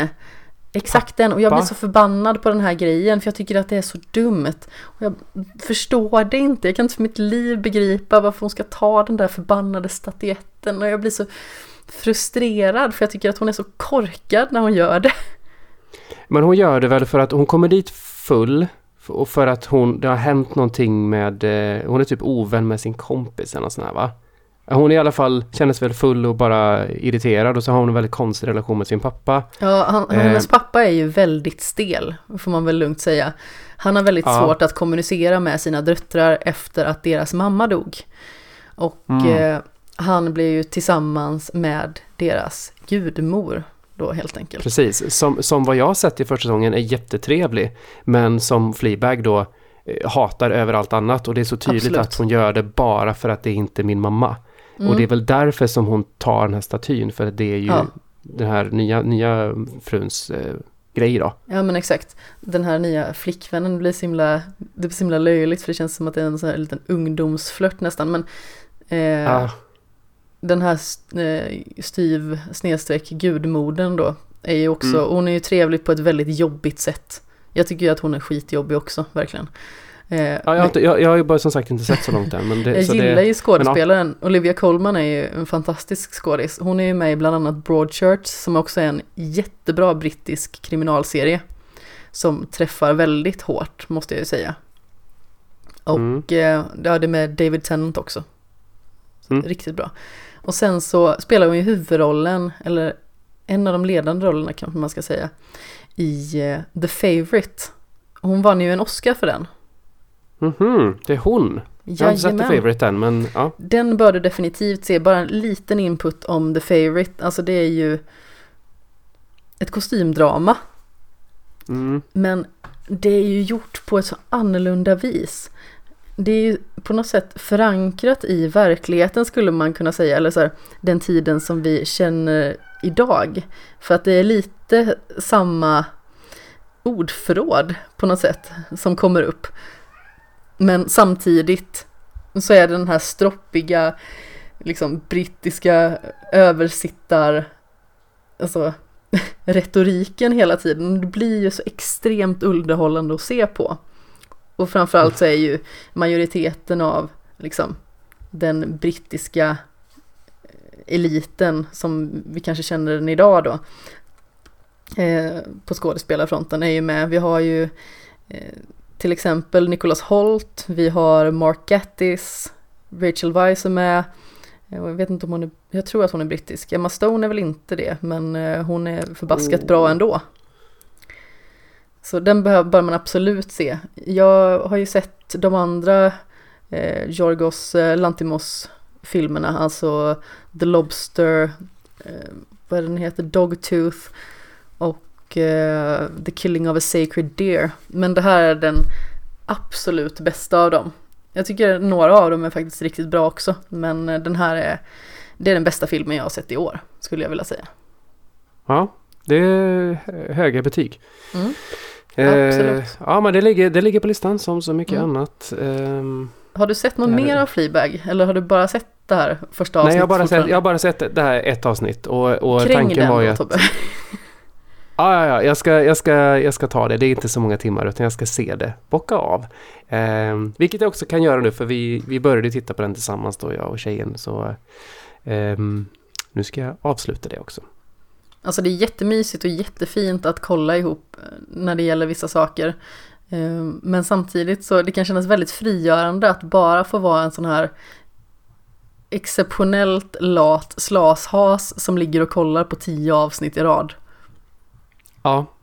Det det, ibland. kan jag, det, det kan jag säga att det var det jag gjorde under den veckan där jag var, där jag trodde att jag var bakis i en vecka. Men som jag visade sig att jag hade borrelia.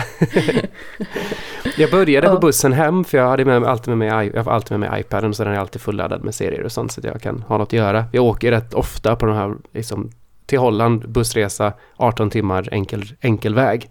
Du har varit Eh, runt har jag- en del på dem där, så du vet hur man Ja. ska förhålla sig till dem.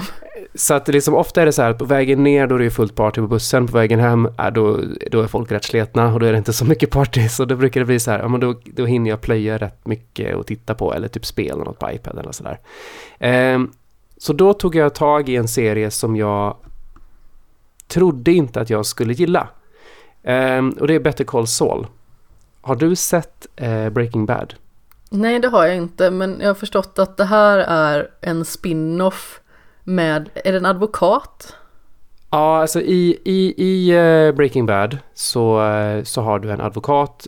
Du vet ju ungefär vad Breaking Bad handlar om. Att de liksom... Ja, men precis. lite, de, de, Brian Cranston Eh, mår då- dåligt och gör dumma ja, saker. han, precis, han är kemi, kemilärare Exakt så som, sålde de som, in som, den. som, Ja men alltså han är kemilärare, eh, han får cancer, han inser, han, han har också lite den här fuck, everything, jag kan göra vad jag vill. Slår ihop sig med typ en, en drug dealer ifrån hans, eh, som, har gått, som, har, som har gått i samma klass, eller som han har haft honom som elev. Eh, för han inser att shit, jag kan ju koka meth mycket, mycket bättre än vad någon annan kan göra där ute. Så det är liksom, det handlar om hans resa ifrån liksom familjefar och kemilärare till fullt ut eh, liksom krim, kriminell liksom så här, och hur han döljer det. Liksom det är väldigt nära och familjenära och sådär. Så det är jätte, jättebra som du säkert har hört också. Det är ju Det har jag, den ligger i skämshögen. det är verkligen en sån serie som väldigt många plockar upp där jämte typ The Wire och sådana här som typ bästa någonsin så. Ehm, så Better Call Saul- i det i alla fall så finns det en advokat som de, som de använder hela tiden och han är väldigt så här, ja han är advokat men han, han hjälper de kriminella att göra sina kriminella grejer fast komma undan med det. Typ, den typen av advokat är han. Och eh, alltså gjorde de i alla fall en spin-off på, på Breaking Bad typ något år efter att den hade tagit slut. Samma folk bakom, samma skådisar och så vidare. Men eh, den utspelar sig typ tio år före Breaking Bad. Okej. Och den, och den heter då Better Better Call Saul för det var typ hans catchphrase, advokaten då i, i serien. Mm. Och eh, så det handlar ju om advokaten för, före han liksom hamnade i den situationen som han var i. Och jag, jag har ju liksom, för, jag förkastade ju den när den kom och tänkte att ja men det här är väl bara någon sån här humoristisk liten spin-off. Eh, där det liksom så här, man följer liksom knasiga case som Saul går igenom. Precis, man Så- måste sen- ha sen kvar jag- alla tittarna runt sitt lillfinger på något sätt. Ja men precis. Och sen så har inte jag tänkt mer på den serien förrän det var någon, det var någon som pratade om den i, i någon stream jag gjorde. Som liksom frågade om jag hade sett den, för de höll på att titta på den. Och de sa att, ja men shit, det är ju, det är ju typ bättre än Breaking Bad. Och jag bara, Oj. what? Really? really? Eh, så att jag tog tag i den på vägen hem från Holland och ehm, sen sträckkollade jag fyra hela säsonger med tio avsnitt i varje, där varje avsnitt är typ en timme, så 40 timmar. Ehm, brände jag på en vecka. Wow. Eh, men då, var jag, då, var jag, då låg jag i so- i soffan och var ynklig liksom och Ja. inte mådde så bra och sådär. Ehm, men, men jag måste säga att det är det är förbannat bra. För det är lika jäkla bra skrivet som, som Breaking Bad var. Och det är inte alls vad jag trodde att det skulle vara. Utan det här är helt och istället ett, ett an, en annan sorts drama som, som utspelar sig mycket, mycket närmare liksom karaktären Saul då. Som inte heter Saul. Utan det är ett taget namn som han kom, som kommer till sen. De hintar hela tiden om att han kommer ta det namnet sen. Um, nej men och, och, hans familj och hans karriär och liksom och sådär. Och sakta så börjar ju karaktärer ifrån Breaking Bad introduceras. Och i slutet på fjärde säsongen där jag, där jag är nu, den utspelar sig ju samtidigt som de första säsongerna av Breaking Bad utspelar sig. Okay. Så vissa karaktärer la, lappar ju över och man ser liksom saker de gör, har gjort i Breaking Bad får betydelse i serien där jag är nu. Men det är mm. verkligen inte liksom så skrivet på näsan på en, utan det är liksom, hade du bara sett Better Call Saul så hade det funkat jättebra också. Men det händer i periferin lite mer, eller? Det händer i periferin och, eh, eller ja, i vissa, i vissa avseenden så händer det ju mitt framför ögonen på, den, på en. Men man förstår inte vad exakt det är som ligger bakom om man inte har sett Breaking Bad. Men det spelar okay. ingen roll, för att det, liksom, det, är inte poängen med, det är inte poängen med att de visar det. Men det är, det, så det är ju jäkligt häftigt och alla skådisar som de plockar in är ju liksom samma skådisar som det är i Breaking Bad och det är, ja, det är bara jäkligt bra. Och det, det nästa säsong kom, säsong 5 då ska ha premiär i början på 2020 först, ja. tyvärr. Jag har ju ingen relation till någon av dem så det blir lite, jag försöker sätta någonting i relation till någonting annat jag inte har sett. Så det blir lite sådär svårt, men jag får väl bita tag i det någon det, gång. Ja, det är lite svårt, eh, den här typen av grej med två serier som går så mycket eh, inlappande i varandra, det är, jag tror inte jag har sett det riktigt innan. På det sättet, men det är jäkligt Nej. häftigt i alla fall.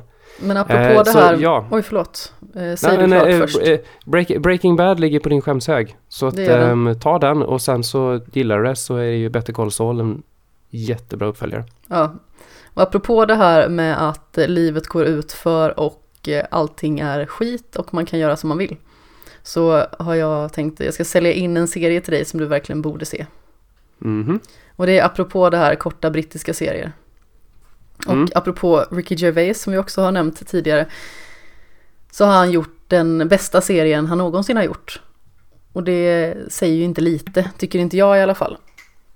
Han har gjort en serie som heter Afterlife. Mm. Och eh, den handlar om en man som förlorar sin hustru i cancer. De har inga barn eller sådär utan de har haft ett förhållande där de har liksom bara trivts med varandra, de har en hund och hunden är typ det enda som hindra honom för att, eller liksom från att ta livet av sig själv. För att hunden behöver få mat. Eh, och den här, alltså väldigt plågsamma sluttampen eh, på, på en relation, att det liksom blir så att eh, det är någon som avlider. Det påverkar ju så otroligt starkt och han känner väl liksom att, ja, livet är egentligen över för mig nu jag kan bara gå runt här och göra precis som jag vill och säga vad jag vill. Eh, och om någonting går snett så kan jag ju bara ta livet av mig. Det är lugnt. Han säger ju det till, typ sin, till eh, sin chef sådär att ja, men det är nästan som en superkraft. Går någonting åt fanders då kan jag bara liksom begå självmord. Och chefen säger något i stil med att det är den sämsta superkraft jag någonsin har hört. Men eh, det låter ju väldigt så här alltså putslustigt bara när jag säger så, men det är ju väldigt starka ämnen framför allt. Alltså just det här med dels att någon i ens närhet blir sjuk och avlider och försvinner ur ens liv, liksom den absolut största trygghet man någonsin har haft. Och sedan liksom att bli eh, suicidal av det och hur man mår och hur man någonsin liksom ska kunna gå vidare i sitt liv. Mm. Det, låter ju som en, det låter ju verkligen som en serie som är right up my alley. Den det är, bara att jag har, väldigt jag mycket djupare jätte, än vad man tror. Jag har jätteproblem med Ricky Gervais för att han är så, det är så mycket cringe-humor över honom så att, um, mm, Fast, jag, jag har bara svårt att ta till med honom. Det kan ju vara lite det i The Office, men jag tycker absolut inte på långa vägar att det är lika mycket här. Nej, um, det låter ju som en mycket ser, mer seriös serie. Den är oerhört seriös, men den är bara sex avsnitt också, de är ungefär 30 minuter långa. Och det var liksom, mm. jag, jag, kunde sitta och skratta så hårt så att jag typ fick kramp i magen. Och samtidigt så kunde jag alltså sitta och, och storgråta Alltså för att det var supersorgligt och sedan kunde jag liksom börja skratta tills jag grät för att det var så skoj. Eh, Mm. Så den går väldigt mycket upp och ner så, det är en väldigt emotionell resa. Och jag tycker att alltså det är det absolut bästa han har gjort. För att den är, den är så känslosam på många sätt. För att man känner ju sig alltså, hemma i känslan av att ha en stark relation med någon. Det vet Mm. man ju hur, hur det är, förmodligen. Mm. Eller många vet Mm, det i alla fall. mm. Och inte minst jag. Spe speciellt då som de inte hade valt att skaffa barn utan de bara hade varandra. Det gör ju att de hookar, i varandra än mer. Mm, Verkligen. precis. Och sen liksom Så, det här mm, med. Alltså cancerbiten. Jag har ju haft två stycken föräldrar som har haft cancer. Så man vet ju hur plågsamt det kan vara med ovissheten. Eh, även att inte, mina föräldrar eh, gick inte bort av det som tur var. Men det är fortfarande Ja. någonting som påverkar en väldigt mycket när man är någon Mm. som står vid sidan om. För man mår eh, ofantligt dåligt verkligen. Jag har haft... Min mamma gick ju bort i cancer. Mm. Så att jag är högst, högst medveten om det där också. Ja, men Mm. det är en serie som är fantastisk och även om man inte uppskattar Ricky Gervais riktigt, jag gör ju det. Men även om man inte gör det så borde man se den här serien, för det är ju den bästa serie jag har sett i år. Verkligen. Mm. Den träffade så himla starkt, jag såg till och med om den. Mm. Eh, för det var så här att jag tvingade mina föräldrar att se den också. Eh, jag brukar vara där uppe hos, hos dem och äta eh, någon gång i veckan eller sådär. Och då var det verkligen Mm. så här att nu ska vi se Afterlife. Det, det är liksom, vi ska inte se något annat, vi ska inte se någon serie om någon maffia eller någonting, utan vi ska se det här. Vi måste Mm. se det här. Och även att mamma liksom inte gillar honom heller så mycket, så Mm. tyckte hon också att den var jättebra. Mm. Men pappa är ju ett fan. Eh, Så vi Det, lite det, mer på det, samma. det, det, underlättar ju, det underlättar ju när jag hör att det bara är sex avsnitt på 30 minuter var. Mm. Eh, lite grann som Fleabag där. De verkar gilla sådana kortisar i England. Ja, det är välfungerande Eh, koncept ändå. Det det- behöver inte vara det- 70-11 avsnitt. Precis. Ja, det gör det lättare att ta till sig och eh, speciellt eh, som det är nu. Det är mycket just nu. Det är mycket man vill trycka in där. Oh, ja. Även om man känner sig fri så är det ju bara... det- Jag är aldrig fri under klockans tyngd. Wow, vad pretentiöst det lät. ja, jag vet, jag vet. Det var lite mer det också. Du bara kände hur du satte på dig liksom en monokel och ett plommonstop. Ja. Ja. Du, jag har aldrig förstått monokelgrejen. Måste inte det vara sjukt jobbigt att gå och spänna ögonbrynet hela tiden ner mot så att det sitter där? Jag vet inte riktigt. Jag har aldrig riktigt gå- gått runt med monokel. Så jag och kan inte svara varför på det. har man bara, och varför har man så jäkla dålig syn på ett öga om man är en engelsk överadel? Hur- det, det är så många det frågor som vi behöver få besvarade. Ja, jag är, lätt, jag är lättare att förstå att pirater någon gång har blivit petade i ögat med ett svärd. Eller något annat hemskt i ögat. Än att Då är det inte att man bara ser adel- lite dåligt. Nej, Om man blir petad i ögat med ett svärd så har man förmodligen bara ett öga. Ja men precis, precis. Än att man liksom så här är nedärvt liksom har dåligt vänsteröga. Så att jag måste ha en monokel där. Det kan vara brytningsfel också. På ena ögat. Men, Det har men jag. var det alltså så att det var mer fancy att ha monokel än glasögon? Ja, jag tror det. Alltså det här med själva bågarna i sig liksom och spänner bakom öronen, det kommer väl ganska mycket senare antar jag. Så jag antar Ja, att det är jag- liksom ja, ungefär som ett lite mer häftigt portabelt förstoringsglas liksom, att man sätter på den här på ögat. Och är det det där? Du ser bra på ena ögat men andra ögat så har du värsta zoomen i hela tiden. Flaskbotten i ena ögat vet du. Fattar du hur ont i huvudet du skulle få efter ett tag? Väldigt, förmodligen. Men visst är det så, på den tiden också så hade de sina glasögon på en pinne va? Jag tror inte de hade kommit på bågarna än. Mm, det tror jag. Det, Så kan det vara så det snöre. är att... Ja men snöret är väl när du inte... Ja men det sitter ju inte fast. Eller det kanske satt fast. Om man har såna här som Morpheus i The Matrix eh, som bara sitter på näsroten, ingenting mer. Ja. Oj, Ja, ja hörde spännande. mitt ljud i bakgrunden? Mm, Ja, kära lyssnare, ni kanske hör en katt som eh, spårar ur lite här. Men eh, det får vara så. Han bor här också. Jag kan inte göra något åt honom. Ja. Vad, vad vill han då? Jag vet inte. Han, han springer runt och skriker lite. För att det är tydligen kul. Ja, det är ganska kul så länge du inte skrika. Gör det varje torsdag. Ja. Ja, precis. Eh, om, om vi ska... Eh, en annan serie som ehm, eh, jag, jag själv har låtit ligga. Det är en sån här serie som jag... Om vi säger så här. Superhjältar. Jag har aldrig varit ett fan. Jag har inte läst serietidningarna. Jag har spelat spelen motvilligt men de har typ aldrig varit bra förutom Batman. Batman Eh. är bäst. Ja, Ba- Batman är nog min favorit superhjälte. Min också. Jag har, nog gill- jag har nog alltid gillat honom ända sedan jag såg liksom Michael Keatons och Jack Nicholsons Batman 1990 liksom. Eh, Men han är verklighetsförankrad ändå lite på något vis. Alltså visst, han har supersaker och han kan göra väldigt övermäktiga saker med dem. Men samtidigt Mm. så är det så här att Batman, det är bara en helt vanlig snubbe med hyfsat mycket muskler och väldigt mycket för mycket pengar. Han har inga superkrafter. Nej, nej. Han har bara supersaker. Eh, men i alla fall, jag har ju aldrig gillat Marvel-filmerna.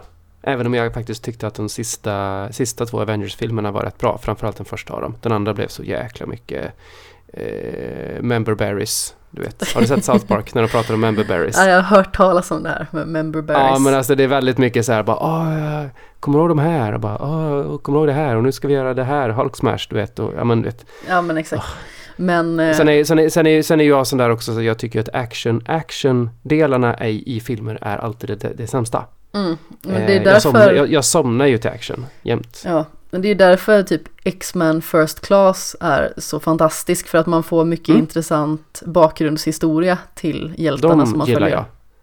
De gillar jag. Ja, Mm. men det var ungefär som när jag såg Pacific Rim. Den hade ungefär en minut som jag gillade. Åh, och det var när, man, när, det var när den här jäkla forskaren höll på att prata om hur de här hade tagit sig från dimensionerna hit sådana saker. Och jag bara åh, lore, lore, kul! Och så bara nej, nu ska vi ut och vara robotar igen och slåss och bara åh, Ja, skjut mig.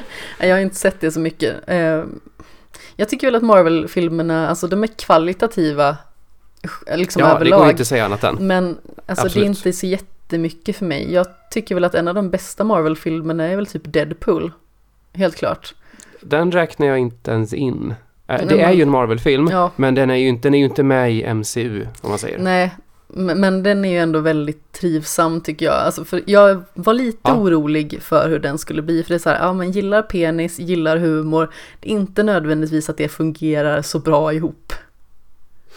Sa du precis, jag gillar penis, jag gillar humor. ja, det gjorde jag.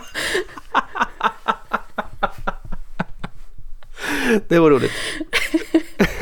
Det är sant. Okej, det var roligt. Jag- Jag kan liksom Mm. inte hymla med det på något vis. Nej, det är bra. Det är bra, det är bra att du är ytlig. Eller ytlig. Det är bra att du visar vad, du, vad dina känslor är. Bra. Ja, det är transparent. Eh, ja, precis det där ordet jag sökte. Eh, men i alla fall, med allt det där sagt så... Eh, och, och alla gillar ju superhjältar hela tiden, men jag känner ingen som tittar på Gotham. Serien. Eh, jag tittar på Gotham och jag tycker att den är jätterolig. Den är sjukt överdriven och way over the top. Och den är helt galen. Och det är det, det, är det jag gillar. Och sen är det ju liksom så här, det är en origin story för, för Batman som utspelar sig i typ något, ett av alla parallella universum som alla Batman-grejer gör. Ja. Eh, och det är väldigt mycket av liksom skurkarna som sen kommer bli liksom stora ikoniska skurkar har ju liksom biroller här och var. Poison Ivy har inte, i, i första säsongen har är Poison Ivy med och är typ en polare till, till um, Selina som Ja. sen blir Catwoman liksom. Och Och så Oswald. det, ja, men precis, precis. Cobblepot. Oswald är med, eh, eh, precis, och är, och är ehm, pingvinen. Han är ju typ en huvudroll egentligen genom hela serien. Och, um, nej alltså, den, den, den blir mer och mer abs absurd för varje säsong det går och jag gillar det bara än mer för att det är så förbannat absurt. eh, men det, men det, det är roligt, det är underhållande och, jag- och, och ehm, Nej men det, det, jag tror inte den skulle liksom fånga med den här serien men, men det har den gjort. Men det verkar inte riktigt ha funkat för någon annan. Jag började kolla på den och så blev jag irriterad för att vissa saker kändes som informationsfel på något vis. Ehm, Mm. Ja men det gör de, de, de bryter ju väldigt mycket liksom ett etablerad lore för att de kör sin egen väg. Ja, och då blir jag så här. Det känns som att det blir överdrivet amerikaniserat på vissa grejer. Alltså typ Poison Ivy heter ju egentligen Pamela Iley. Men Mm. i den här serien så heter hon Ivy Pepper av någon anledning. Varför man nu gör det, det låter ju skitdumt. Alltså det var ett så dumt namn så bara det fick mig att vilja stänga av redan från början. För att jag tyckte att det lät så Hon- fånigt. Det kändes som att Hon blir ju inte Poison Ivy förrän typ tre säsonger in tror jag det. Nej men det känns så töntigt för det känns som att de måste skriva Ja. en på näsan bara Ja det här är på sin Ivy. Bara, ja men Ja. Captain Obvious, hade ni döpt det liksom ordentligt då hade ju de som är inbitna vetat vem det var och de som inte visste det, de hade fått en större överraskning. Jag vet, det, men grejen är att serien är inte... eh, den försöker inte vara smartare än den utger sig för att vara. Eh, utan den, den är ganska dum och karaktärerna den. som springer runt är vandrande klyschor allihopa. Ja. Extremt endimensionella. Men det är det som gör det ganska roligt. Och sen har vi Eh, ju att- den mest osympatiska Jim Gordon jag har varit med om. Alltså Benjamin McKenzie, han har ju bara ett ansiktsuttryck. alltså ansiktsuttryck. Han är så Ja. tråkig. Så att sandpapper jag är ju gillar- kul liksom. Jag, jag gillar honom för han, fyll, han fyller mer en funktion i serien än något annat. Han, han är ju, som du säger, egentligen pisstråkig. Om han går Och- runt och ser och- svår ut hela tiden, jag fattar inte varför.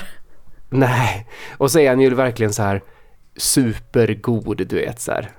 Alltså det finns ju ingenting som han gör liksom omoraliskt fel. Eller ja, det gör han väl kanske ibland, men liksom det finns alltid en god intention och sådär. Ja. Ja. men han är the good guy och liksom så här, det är hans klyscha, det är hans stereotyp här. Och det är det som får allt att funka för att hade den försökt att vara mer seriös och mörkare eller liksom så här, ja du förstår vad jag menar, liksom lite mer gritty och äkta så tror jag att den hade tappat mycket. Utan nu är den egentligen som en serietidning är. För tittar vi på serietidningar så är det också otroliga klyschor hela tiden som, Ja, det är väldigt urballat. som jobbar. Som jobbar. Så, så, så ja, jag gillar det. Och nu är det... Du får nu, gilla nu det Tobbe, det är okej. Serien är ju i mål och jag har väl fem avsnitt kvar tror jag på Okej. sista säsongen att se nu. Jag tog ett långt, långt break mellan fjärde Mm. och femte säsongen så att eh, nu, nu ska jag bocka av. Mm. Ja, men som sagt, jag Det älskar. Batman. Jag är ju framförallt, förutom Nolans Batman, i och med att jag tycker att Christopher Nolan är en väldigt bra re- regissör, så älskar jag ju Batman Arkham-serien. Alla Mm. spelen där egentligen. Jag tycker att Arkham Origins fick lite väl mycket skit faktiskt. Ehm, Mm, det är ju heller inte utvecklat av Rocksteady. Så det är Nej, ju precis. Det är ju Warner Brothers eh, egen äkta studio tror jag. Eller någonting i den Ja. stilen. Men det är ju liksom en berättelse som, ja, det är precis när Batman blir Batman. Han är liksom inte liksom ett allmänt vedertaget namn, utan han är bara liksom den här brottsbekämparen som smyger omkring i skuggorna. I stort sett. Han är läderlappen. Mm, han är läderlappen. Men eh, den har väldigt intressant eh, synvinkel när det gäller Jokern till exempel. Men sen trilogin, den tappar ju lite, alltså för varje spel. Men om vi tar Batman Arkham Asylum är ju det bästa spelet som har gjorts i, mitt tycke i stort. Eller jag har en väldigt stark relation till den i alla fall. Arkham Mm. City är också suveränt verkligen. Ja, jag, jag, jag har ju inte spelat Arkham City och sen inte heller Night. Jag tror Eh, att vi har och, ett eh, projekt, Tobbe Fix. Ja, grejen är att du vet ju min inställning till öppna spel. Mm, fast man behöver inte göra det så öppet. Det är okej. det är inte så långt. Alltså det är väl typ så här 12 timmar eller någonting huvudberättelsen. Och det räcker.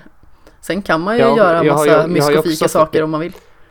Jag har också fått till mig att det är helt absurt mycket saker och om man ska liksom 100% det. Man behöver Det inte har jag 100%. hört. Men känner du mig eller?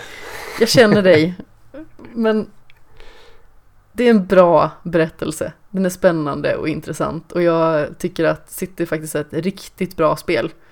Alltså, Mm. Jag, är, jag är faktiskt mer sugen på att spela om Arkham Asylum för jag har inte spelat det sedan Mm. 2011 kanske. jag har ju spelat det fem gånger så jag kanske behöver gå över till City och spela det lite mer. Det är väl lite så jag Ja. ser på det. Någon dag ska jag Ja. ta platina i skiten, hade jag tänkt. Eh, Arkham Asylum har, eh, jag tyckte det var jättekul att ta plat. Jag har inte tagit platina i Arkham Asylum, jag har tagit eh, tusen av tusen poäng för jag spelade på 360 på den tiden. Ja, okej. Det var ju före jag gick över till PS3. Så det är bra länge sedan. Det var på den mörka Ehm, tiden. Ja, gud ja. Då var det piratande och skit och helvete. Ja, ja jobbigt. Mm. Eh, men det, det, det är väldigt, väldigt utmanande att ta eh, platinan i, i det. Just för att du har ju eh, trial-läget i slutet. Mhm. Är liksom så här, det ligger utanför spelet och då har du är typ tio stycken barn. Tio, tio banor med, med sneaky och så har du tio banor med ren combat. Ja, Och du ska ju sätta liksom så här högsta, högsta ranken på alla de där. Och jag är det- tror bättre det- på combat än stealth, måste jag ju säga. Proble- gre- grejen är att stealthen är inte så svår. Det är combaten som är riktigt svår. För grejen är att för att maxa upp poängen så måste du eh, variera hela tiden. Så du, du ska i princip använda alla dina olika attacker.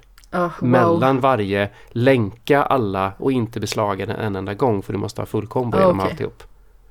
Eh, och, det, och det är liksom man, man blir tokig till slut för att det liksom bara, man bara ah! Jag vet att jag och Anders satt och liksom Såklart bara gjorde. slet, slet varandras hår. Det är därför jag skallig idag liksom. Men varför har Anders håret kvar?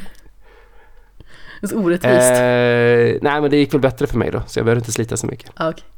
Det gick dåligt för honom så han fick slita. Ja, han fick slita mer av ditt hår. Hjälp. Ah, nej, men, men eh, det, det, var, det var jobbigt att göra det där. Men nu, nu är jag lite sugen på, på att gå ge mig på det igen för jag vill spela om spelet. Men spela det och sen så kan du och jag ta oss an City. För jag tänkte spela det ganska så snart. Mm. När jag är klar med diverse andra hemliga projekt. Ja, precis. Det där Sådär. andra hemliga projektet som vi håller på med. Ja men precis, Så vi har ju en del sådana. Vad har vi? Två Ja. hemliga projekt nu. Om vi två. Ja det har vi. Jag Okej. knäckte ju ett projekt häromdagen. Ja, just det. Ja just det. Just det. Men eh, vi skulle nog behöva egentligen runda av tyvärr. Det är Mm. skittråkigt att runda av när man känner att eh, vi hade kunnat sitta här i fyra timmar till eller någonting. Ja, Och, eh, men vi ska ju sitta typ i fyra timmar till framför en skärm på Precis. fredag. På fredag, idag torsdag när avsnittet släpps Mm. så är det alltså imorgon klockan 19.30 vill jag minnas va? Mm. Mm. Och då Precis. spelar vi Switch-spelet Gato Roboto Stämmer bra. som är ett eh, svartvitt Metroidvania som ser ut som Med en... katter. Vad sa du? Med katter. Ja men precis, det, typ, det ser ut som en liten eh, Samus-dräkt med en liten katt i. Mm. Det är supergulligt och förmodligen inte jättelångt. Fyra timmar eh, ish eh, Ja. verkar det som internet säger. Men så det blir ju precis. perfekt. Vi, vi klämmer det på fredag i, på stream. Ja, Eh, och det kommer, vi- kommer vi streama på Svamprikets eh, Twitch. det stämmer bra det. Eh, Mm. Ja, som sagt, det, det var tur att jag kollade upp det där och faktiskt försökte förankra lite med andra bara, mm, hur lång tid tar det här ungefär? För när vi spelade Ori and the Blind Forest, de där 13 timmarna Oh. alltså, de kändes ju i sittbenen. Det, det är ju den, den mest massiva stream jag har gjort. Är det det? Jag har, ja, det är det. Jag har ju varit uppe på touchat på typ 11 timmar själv Mm. någon gång. Ehm, men det är, det är saftigt alltså. Den Jag var ju- faktiskt alltså- eh, kul, men den var otroligt utmanande. Åh gud, det- och det var så jobbigt i slutet. Du vet, efter, efter typ 12 timmar så kommer man till sista bossen. Sista bossen är ganska jobbig. Det är Den bara är en svår och lång, lång. lång jäkla liksom eh, Simon Says pattern, pattern memorization grej liksom. Exakt. Och Så eh, eh, ja, så fick man springa iväg lite då och då och köpa mat. Och sen så, mm, vi trodde att det skulle ta typ så här 8-9 timmar ungefär på sin höjd. mm, mm. Men jag skulle ju jobba. Det var ju det som var så himla roligt också. Så helt plötsligt kom ju, jag tror det var Peter Auhonen eller eh, Glenn som eh, Mm. kom in i chatten och bara varför syns inte hela Amanda i bild? Ska det vara sådär? Och då var det ju att jag var ju tvungen att sätta mig och jobba och skriva bowlingreferat vid sidan om. Så jag bara så här vinkade in handen lite, bara, "Nej, jag måste bara skriva klart det här. och sen så kom jag väl in i mångt och mycket igen. Efter jag Mm, suttit och skrivit mm. en timme eller någonting sånt. Ja, nej, jag har ju jag har ju lärt mig efter, lärt mig min läxa efter den där streamen. Så att, ehm, Ja, så att jag brukar köra fyra, till fem timmars sjok. Eh, och sen så kör jag paus. Där jag Ja. äter och, och sträcker på mig och gör någonting eh, i typ 20 minuter. Och sen så, sen så kan jag sätta mig och köra 4-5 timmar till. Ja, vi får så, här jag, så jag kör, rappa varandra i röven med mattpiska. Bara Ah, för att påminna precis. varandra liksom om att nej, inte så långt igen. Dålig idé. Nej. Nej, så nu, nu, nu men fyra timmar det blir jättebra. Mm. Det blir Så missa inte det imorgon 19.30 Svamprikets Twitch med Kapten Sten och Tobbe Fix. Yeah. Ja, och det heter vi på sociala japp. medier också. Ja, det stämmer. Mm. Och eh. Skämshögen finns också på sociala medier såklart. Snabla Skämshogen på Twitter och Instagram. Finns på Facebook. Finns där poddar finns.